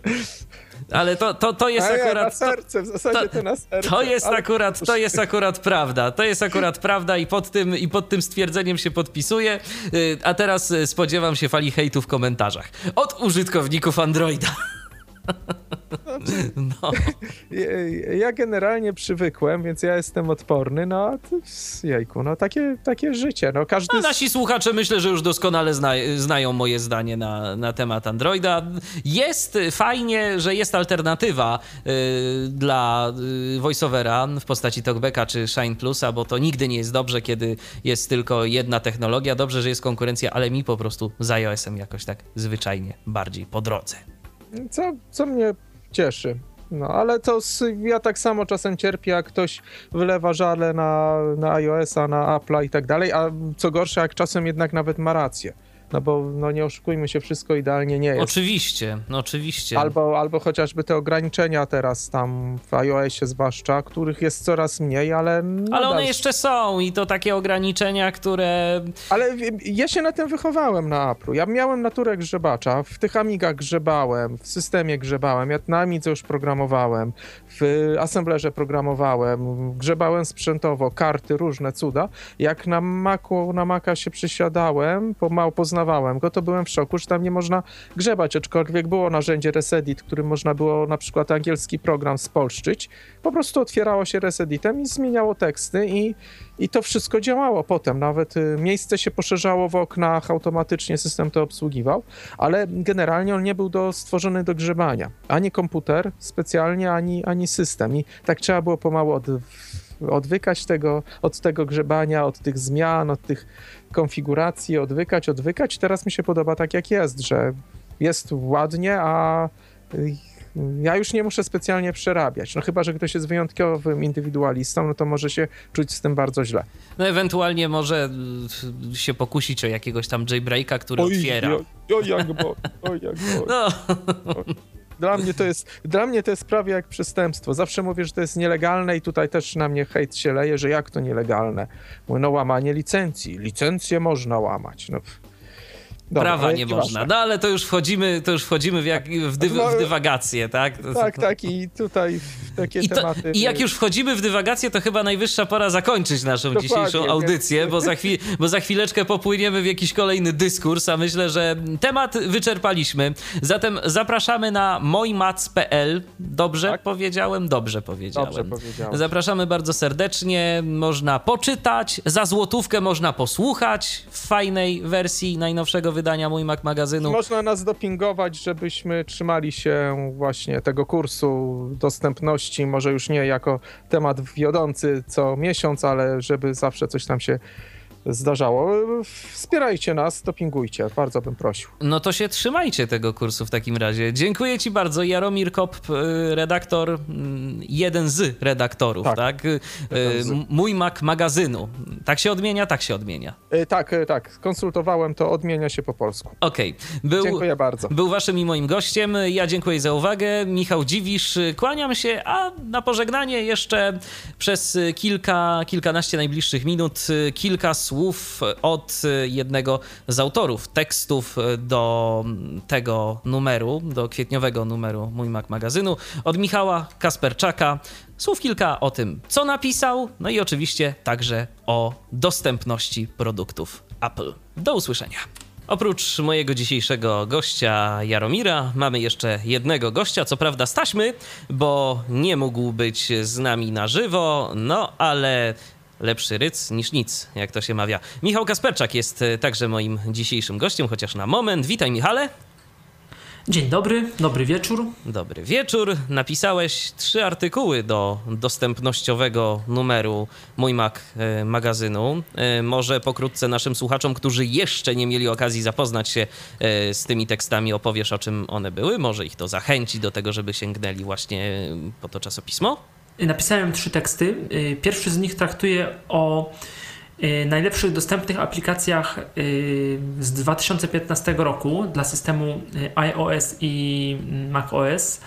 X y, aplikacjach wybranych y, przez czytelników takiego amerykańskiego serwisu internetowego y, Apple Viz, który zajmuje się technologiami dostępowymi, używaniem właśnie komputerów Mac i iPhone'ów, innych urządzeń z iOS-em z perspektywy osób niewidomych. Pokrótce mm, opisałem, jakie, jakie to aplikacje z 2015 roku dostały owo wyróżnienie Golden Apple Awareness bo mm, tam kilka kategorii zostało wyróżnionych y, i aplikacje asystujące, i gry audio, i aplikacje y, komputerowe i najlepsza firma. Cieszy to, że y, ileś firm o tę dostępność dba i w sumie, znaczy z jednej strony to cieszy, a z drugiej smuci, bo tak, bo cieszy dlatego, że no, że w ogóle ten temat dostępności jest coraz bardziej jednak w mainstreamie szeroko mm, obecny, no głównie za sprawą przykład idzie z góry. Same, same wytyczne są od e, Apple'a i inne firmy takie jak y, tam Google, Facebook i tak dalej, też gdzieś tam Twitter o tę dostępność mm, zaczynają y, dbać i jakoś zabiegają. Również o, y, o to, żeby można było aplikację obsłużyć za pomocą standardowych gestów systemowych z voice-overem albo za pomocą po prostu, po prostu klawiatury. Natomiast y, i to, i to cieszy, że są takie firmy jak producent y, programu y, One Password albo, albo, mm, albo producent programu iOS, iOS-owego workflow, że, że, że tę dostępność biorą pod uwagę. Chociaż akurat no, ja z workflow miałem zdecydowanie i ty, Michał, chyba też spore problemy. Jakoś nie umiemy sobie chyba z tym workflowem poradzić, nie? Coś tam Mi coś taki się dostępny, udało swego czasu a... zrobić, ale to nie jest takie proste, to nie jest takie wygodne. Rzeczywiście jest to dostępne i można powiedzieć, że jest to w jakimś sensie używalne. Natomiast jest to udostępnione. Tak, o, natomiast tak, nie można, można powiedzieć, żeby było to jakoś bardzo wygodne i takie naprawdę intuicyjne. Być może jest tak, tak, tak, być może jest tak, że y, no jest to aplikacja również i dla osób widzących nie taka bardzo prosta prosta, albo może okazało się, że przełożenie y, tej dostępności y, na mm, taką rzeczywistą dostępność dla niewidomego użytkownika akurat w przypadku interfejsu tego programu okazało się po prostu trudne. No ciężko stwierdzić, bo trzeba by było to z jakąś osobą widzącą tak naprawdę przejrzeć ten interfejs ja i wtedy by się coś i do okazało. niczego, tak, ja próbowałem i do niczego sensownego nie doszliśmy. No tam niby trzeba to jakoś przeciągać, te gesty, yy, przeciągać, upuszczać te różne jakieś elementy, ale co, jak, gdzie to w sumie do końca, do końca nie wiem. No, czyli, czyli jakby, no, reasumując, cieszy, że ta dostępność jest zauważana. Oby więcej, więcej firm jeszcze się y, jakoś, ten, no, głównie na etapie projektowania aplikacji, bo to jak coś się rozpocznie od zera, no to później nie trzeba tego poprawiać i no, no pewnie jest to trochę więcej pracy, ale naprawdę y, jest, jest, to, jest to miło, mi, jest to dobrze widziane, y, no i no dla nas bardzo wartościowe, jeżeli aplikacja jest y, po prostu dostępna. No takie już, takie powoli już są y, standardy. Kolejny artykuł, który napisałem, to było pokrótce przedstawienie ciekawych y, polskojęzycznych głównie stron internetowych, na których czytelnicy mój Mac magazynu mogą dowiedzieć się czegoś więcej z zakresu dostępności, z zakresu obsługi komputera z perspektywy osób z wadami wzroku, jak na przykład za pomocą czytnika ekranu się czyta Y, ogląda, y, odbiera stronę internetową, czym właściwie jest dostępność, czym jest audiodeskrypcja, jak y, też jak można obsługiwać program VoiceOver na iOSie albo na Macu. Poleciłem mm, dostęp kilka ciekawych takich autorskich serwisów. W tym Tyflo Podcast.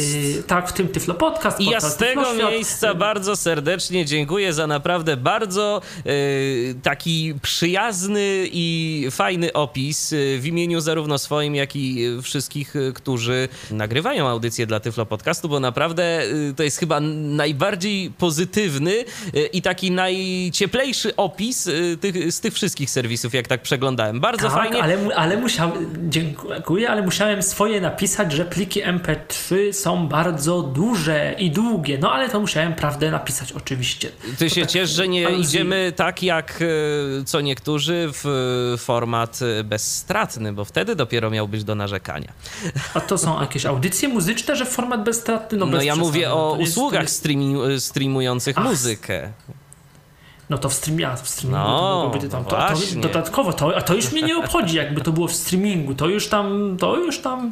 No myślę, że tych wszystkich, wiesz, którzy korzystają w dużej mierze z internetu mobilnego, to jednak prędzej czy później e, zaczęłoby to obchodzić. Natomiast e, fakt faktem bardzo, bardzo przyjemna recenzja Tyflo Podcastu. Jeżeli ktoś ma ochotę, zapraszamy do e, zajrzenia właśnie do artykułu numer dwa e, Michała. No i jeszcze tak, mamy. Tak, tam poleciłem właśnie Tyflo Podcast y, ty, ty, też Tyfloświat, y, blog, który prowadzę aptechnologie.info i jeszcze chyba y, blog, serwis Piotra Witka, jednego z autorów artykułów też, no i jeszcze kilka stron. A trzeci artykuł, trzeci artykuł najdłuższy i taki najbardziej, no powiedzmy wspomnieniowy, bo komputera używam od 94 roku. I napisałem taki tekst o tym, tak z jednej strony o tym, jak kiedyś, w jaki sposób kiedyś osoby niewidome, w tym ja, pracowały, y, jakim problemem było przejście z DOSa na Windows, jakie drogie były programy, jak potem, y, jaką nadzieję pokładały osoby niewidome w komputerach Apple. I y, no Napisałem o tym, że kupiłem swego czasu MacBooka w 2010 roku, pracowałem z nim pół roku, ale przejście z Windowsa na Maca no, okazało się nie to, że porażką, ale po prostu okazało się nieefektywne i wróciłem do Windowsa. Musiałbym po tych 6 latach jednak rozwoju systemu, większej mojej wiedzy o macOS i iOS, sprawdzić i większej też synchronizacji iClouda, którego kiedyś nie było, sprawdzić po czasie, jak to no, na nowym sprzęcie, na jakimś Macu teraz się pracuje, bo, bo słyszę, że to się jednak mocno poprawiły, poprawiło. Natomiast no, moje, moja przygoda z Maciem skończyła się tak, że na początku było fajnie, a potem im dalej coś chciałem robić, tym to, co chciałem, no to zrobiłem szybciej, prościej, bardziej efektywnie pod Windowsem, bo aplikacje stawały się, no, po prostu były nie, niewydajne, czy nie, nie tyle niewydajne jako takie, ile po prostu z klawiatury ich obsługa za pomocą, przy, przy użyciu voice-over y, była nie tak. Yy, brakuje mi słowa, ale powiedzmy, nie tak korzystna, nie wypadała tak korzystnie, jak jednak y, to ma miejsce w systemie Windows. Także no ja mm, i sporo osób niewidomych jednak od tych Maców y, mam wrażenie odeszło, chociaż próbowało, ale też są osoby, ale chyba jest ich mniej, tak jak się rozmawia, y, które no mają Maki i mówią, że no, że jednak bardzo, że jednak bardzo fajnie. Także sam jestem ciekawy, jak to jest teraz. No a duża część właściwie kolejna, połowa artykułu, no to były moje rozważania na temat telefonu iPhone, o którym yy, słuchacze Tyflo podcastu w większości wiedzą dużo, bo, bo sami używają tych iPhone'ów bardzo często. I chodziło mi po prostu o to, żeby żeby uzmysłowić czytelnikom, jak, jaką rewolucją był iPhone, również dla osób niewidomych, w tym sensie, że y, ogólnie mówi się, że iPhone wywrócił rynek technologiczny, że no, od, za iPhone'em poszedł jakoś tam Android i w ogóle y, wszyscy, y, ta idea smartfonu, nie tylko telefonu, ale, ale smartfonu, y, która niby wcześniej była, były jakieś Samsung Omnia, coś, ale tak naprawdę od iPhone'a to się to wszystko ruszyło, gdzieś tam poszło dalej do przodu. Natomiast no, dla osób niewidomych iPhone stał, stał się takim swego rodzaju innego typu oknem na świat, no bo oczywiście mówiło się, że pismo Braille'a było oknem na świat, że udźwiękowiony komputer, to wszystko prawda, ale iPhone w tym sensie stał się oknem na świat, że był to, tele, że jest to telefon, że jest to wszystko w jednym urządzeniu, jest to telefon, w którym mamy y, poza te, telefonem wszystko to, co w smartfonie i nawet jeżeli byśmy korzystali tylko z aplikacji systemowych, to 98 pewnie procent z tego jest y, dostępne stuprocentowo, można, y, można samemu wszystko zrobić, można też wspomóc się klawiaturą yy, na Bluetooth, monitorem brailleowskim, można dyktowaniem głosowym, pisaniem braille, braillem na ekranie dotykowym. No, można instalować bardzo wiele zewnętrznych mm, aplikacji i tak naprawdę się okazuje, że iPhone yy, czy albo iPad, chociaż uważam, że w przypadku osoby niewidomej ten duży ekran nie ma takiego znaczenia, więc zostańmy przy iPhone'ie. Może w pewnych sytuacjach spokojnie zastąpić y, komputer, a nawet czasami praca z, y, przy pomocy iPhone'a może być od komputera szybsza. No i też dalej rozważałem, co jeszcze musiałoby się stać, żeby iPhone mógł zupełnie komputer zastąpić, że praca, z że brakuje mi trochę y, więcej aplikacji, które obsługują klawiaturę systemową, w sensie klawiaturę na Bluetooth y, i y, pozwalają na nawigację przy pomocy skrótów klawiszowych. No szkoda, że tak mało aplikacji to jeszcze wykorzystuje, albo sam system nie, nie umożliwia jakiejś takiej konfiguracji skrótów klawiszowych do różnych jakichś bardziej schowanych, ukrytych elementów systemu, czy danej, danej mm, aplikacji. To w takim razie, Michale, jeszcze miałbym do ciebie jedno pytanie. Skoro napisałeś sporo o dostępności iOS-a, e, nie będę cię męczył o dostępność OS X-a, no bo w tym momencie nie używasz Maca, e, więc e, to pomińmy. Natomiast co do dostępności iOS-a z takiego codziennego użytku twojego, z wersji na wersję, bo już kilka tych wersji mobilnego systemu Apple'a przewinęło się przez twoje ręce, czy uważasz, że dostępność dostępność Apple idzie w dobrą stronę, czy coś zostało jednak mimo wszystko popsute, czy też no po prostu jest dobrze, nie warto nic zmieniać no. i oni tam nic nie zmieniają. Ogólnie jest bardzo dobrze, aczkolwiek yy, można zaobserwować nie to, że marazm, bo trudno oczekiwać, trudno oczekiwać, że z każdą wersją yy, jakaś taka duża firma wprowadzi jakąś nie wiadomo jaką rewolucję albo nowość. No to jest to, co się zawóca też ogólnie w, w, tych systemach tam na Macach, czy na iOS, e, czy na iPhone'ach, iPadach, że no, że właściwie to coś tam jest nowego, ale to nie są żadne rewolucyjne nowości. No i można powiedzieć, że w tym, że w, z perspektywy dostępności, no to też już zostało wiele zrobione. No najpierw był voice-over i trochę opcji powiększających. Potem w którejś wersji chyba 6.0 albo 7.0 osoby słabowidzące były, nie 6.0, były zachwycone, bo dostały dużo opcji dostęp, y, powiększających, ale potem jakieś tam coś tam się zmienił od 7 chyba wygląd systemu i na początku słabowidzący bardzo, bardzo narzekali. No, y, od ósemki gdzieś tam użytkownicy Braille'a dostali i to dyktowanie, znaczy dostali klawiaturę brailleowską dotykową i, do, i wszyscy, ale też użytkownicy niewidomi z tego szczególnie mam wrażenie korzystają, otrzymali to dyktowanie głosowe. Tam są pewne, teraz nie potrafię powiedzieć jakie, ale pewne bugi, które w określonych sytuacjach y, mogą ludziom sprawiać problem. No i to, to jest tak z takimi dużymi firmami, że niby jest mail, y, w sensie jakiś tam support można napisać na y, mail taki ogólnoświatowy Apple Accessibility i zgłosić pewne, pewne bolączki, pewne kwestie no ale tak naprawdę nigdy nie wiemy, czy one zostaną wzięte pod uwagę, czy nie i, i, no i tak naprawdę możemy, powiedzmy, może, ludzie mogą sobie, no tak trochę jak powiedzmy z Siri, tak, taka analogia, mogą sobie ludzie prosić, prosić, a co Apple zrobi, to tak do końca nikt nie wie. I o ile normalnie można się z tego powiedzmy śmiać i jakoś tam y, drwić, y, podśmiechiwać, tak czasami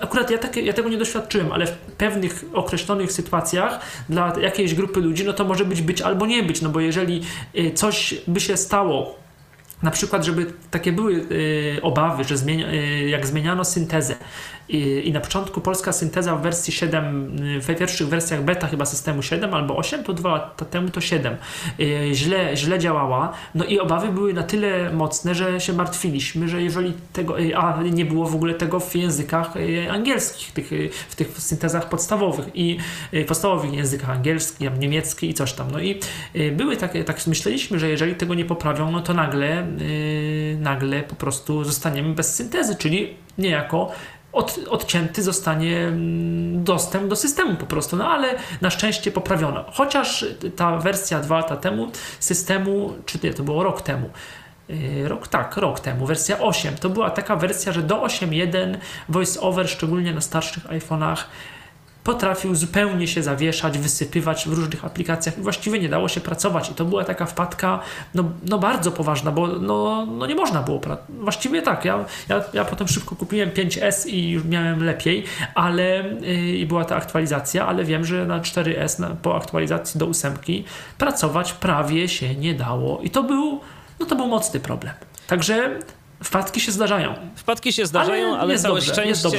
Tak, całe szczęście jest dobrze i miejmy nadzieję, że będzie e, tak dobrze jak teraz, albo lepiej, e, jeżeli chodzi o mobilny system Apple i jego dostępność. Michale, bardzo Ci dziękuję za rozmowę. Michał Kasperczak był Waszym oraz moim gościem dzisiejszej audycji na antenie Tyfloradia. Dziękuję bardzo. Był to Tyflo Podcast. Pierwszy polski podcast dla niewidomych i słabowidzących. Program współfinansowany ze środków Państwowego Funduszu Rehabilitacji Osób Niepełnosprawnych.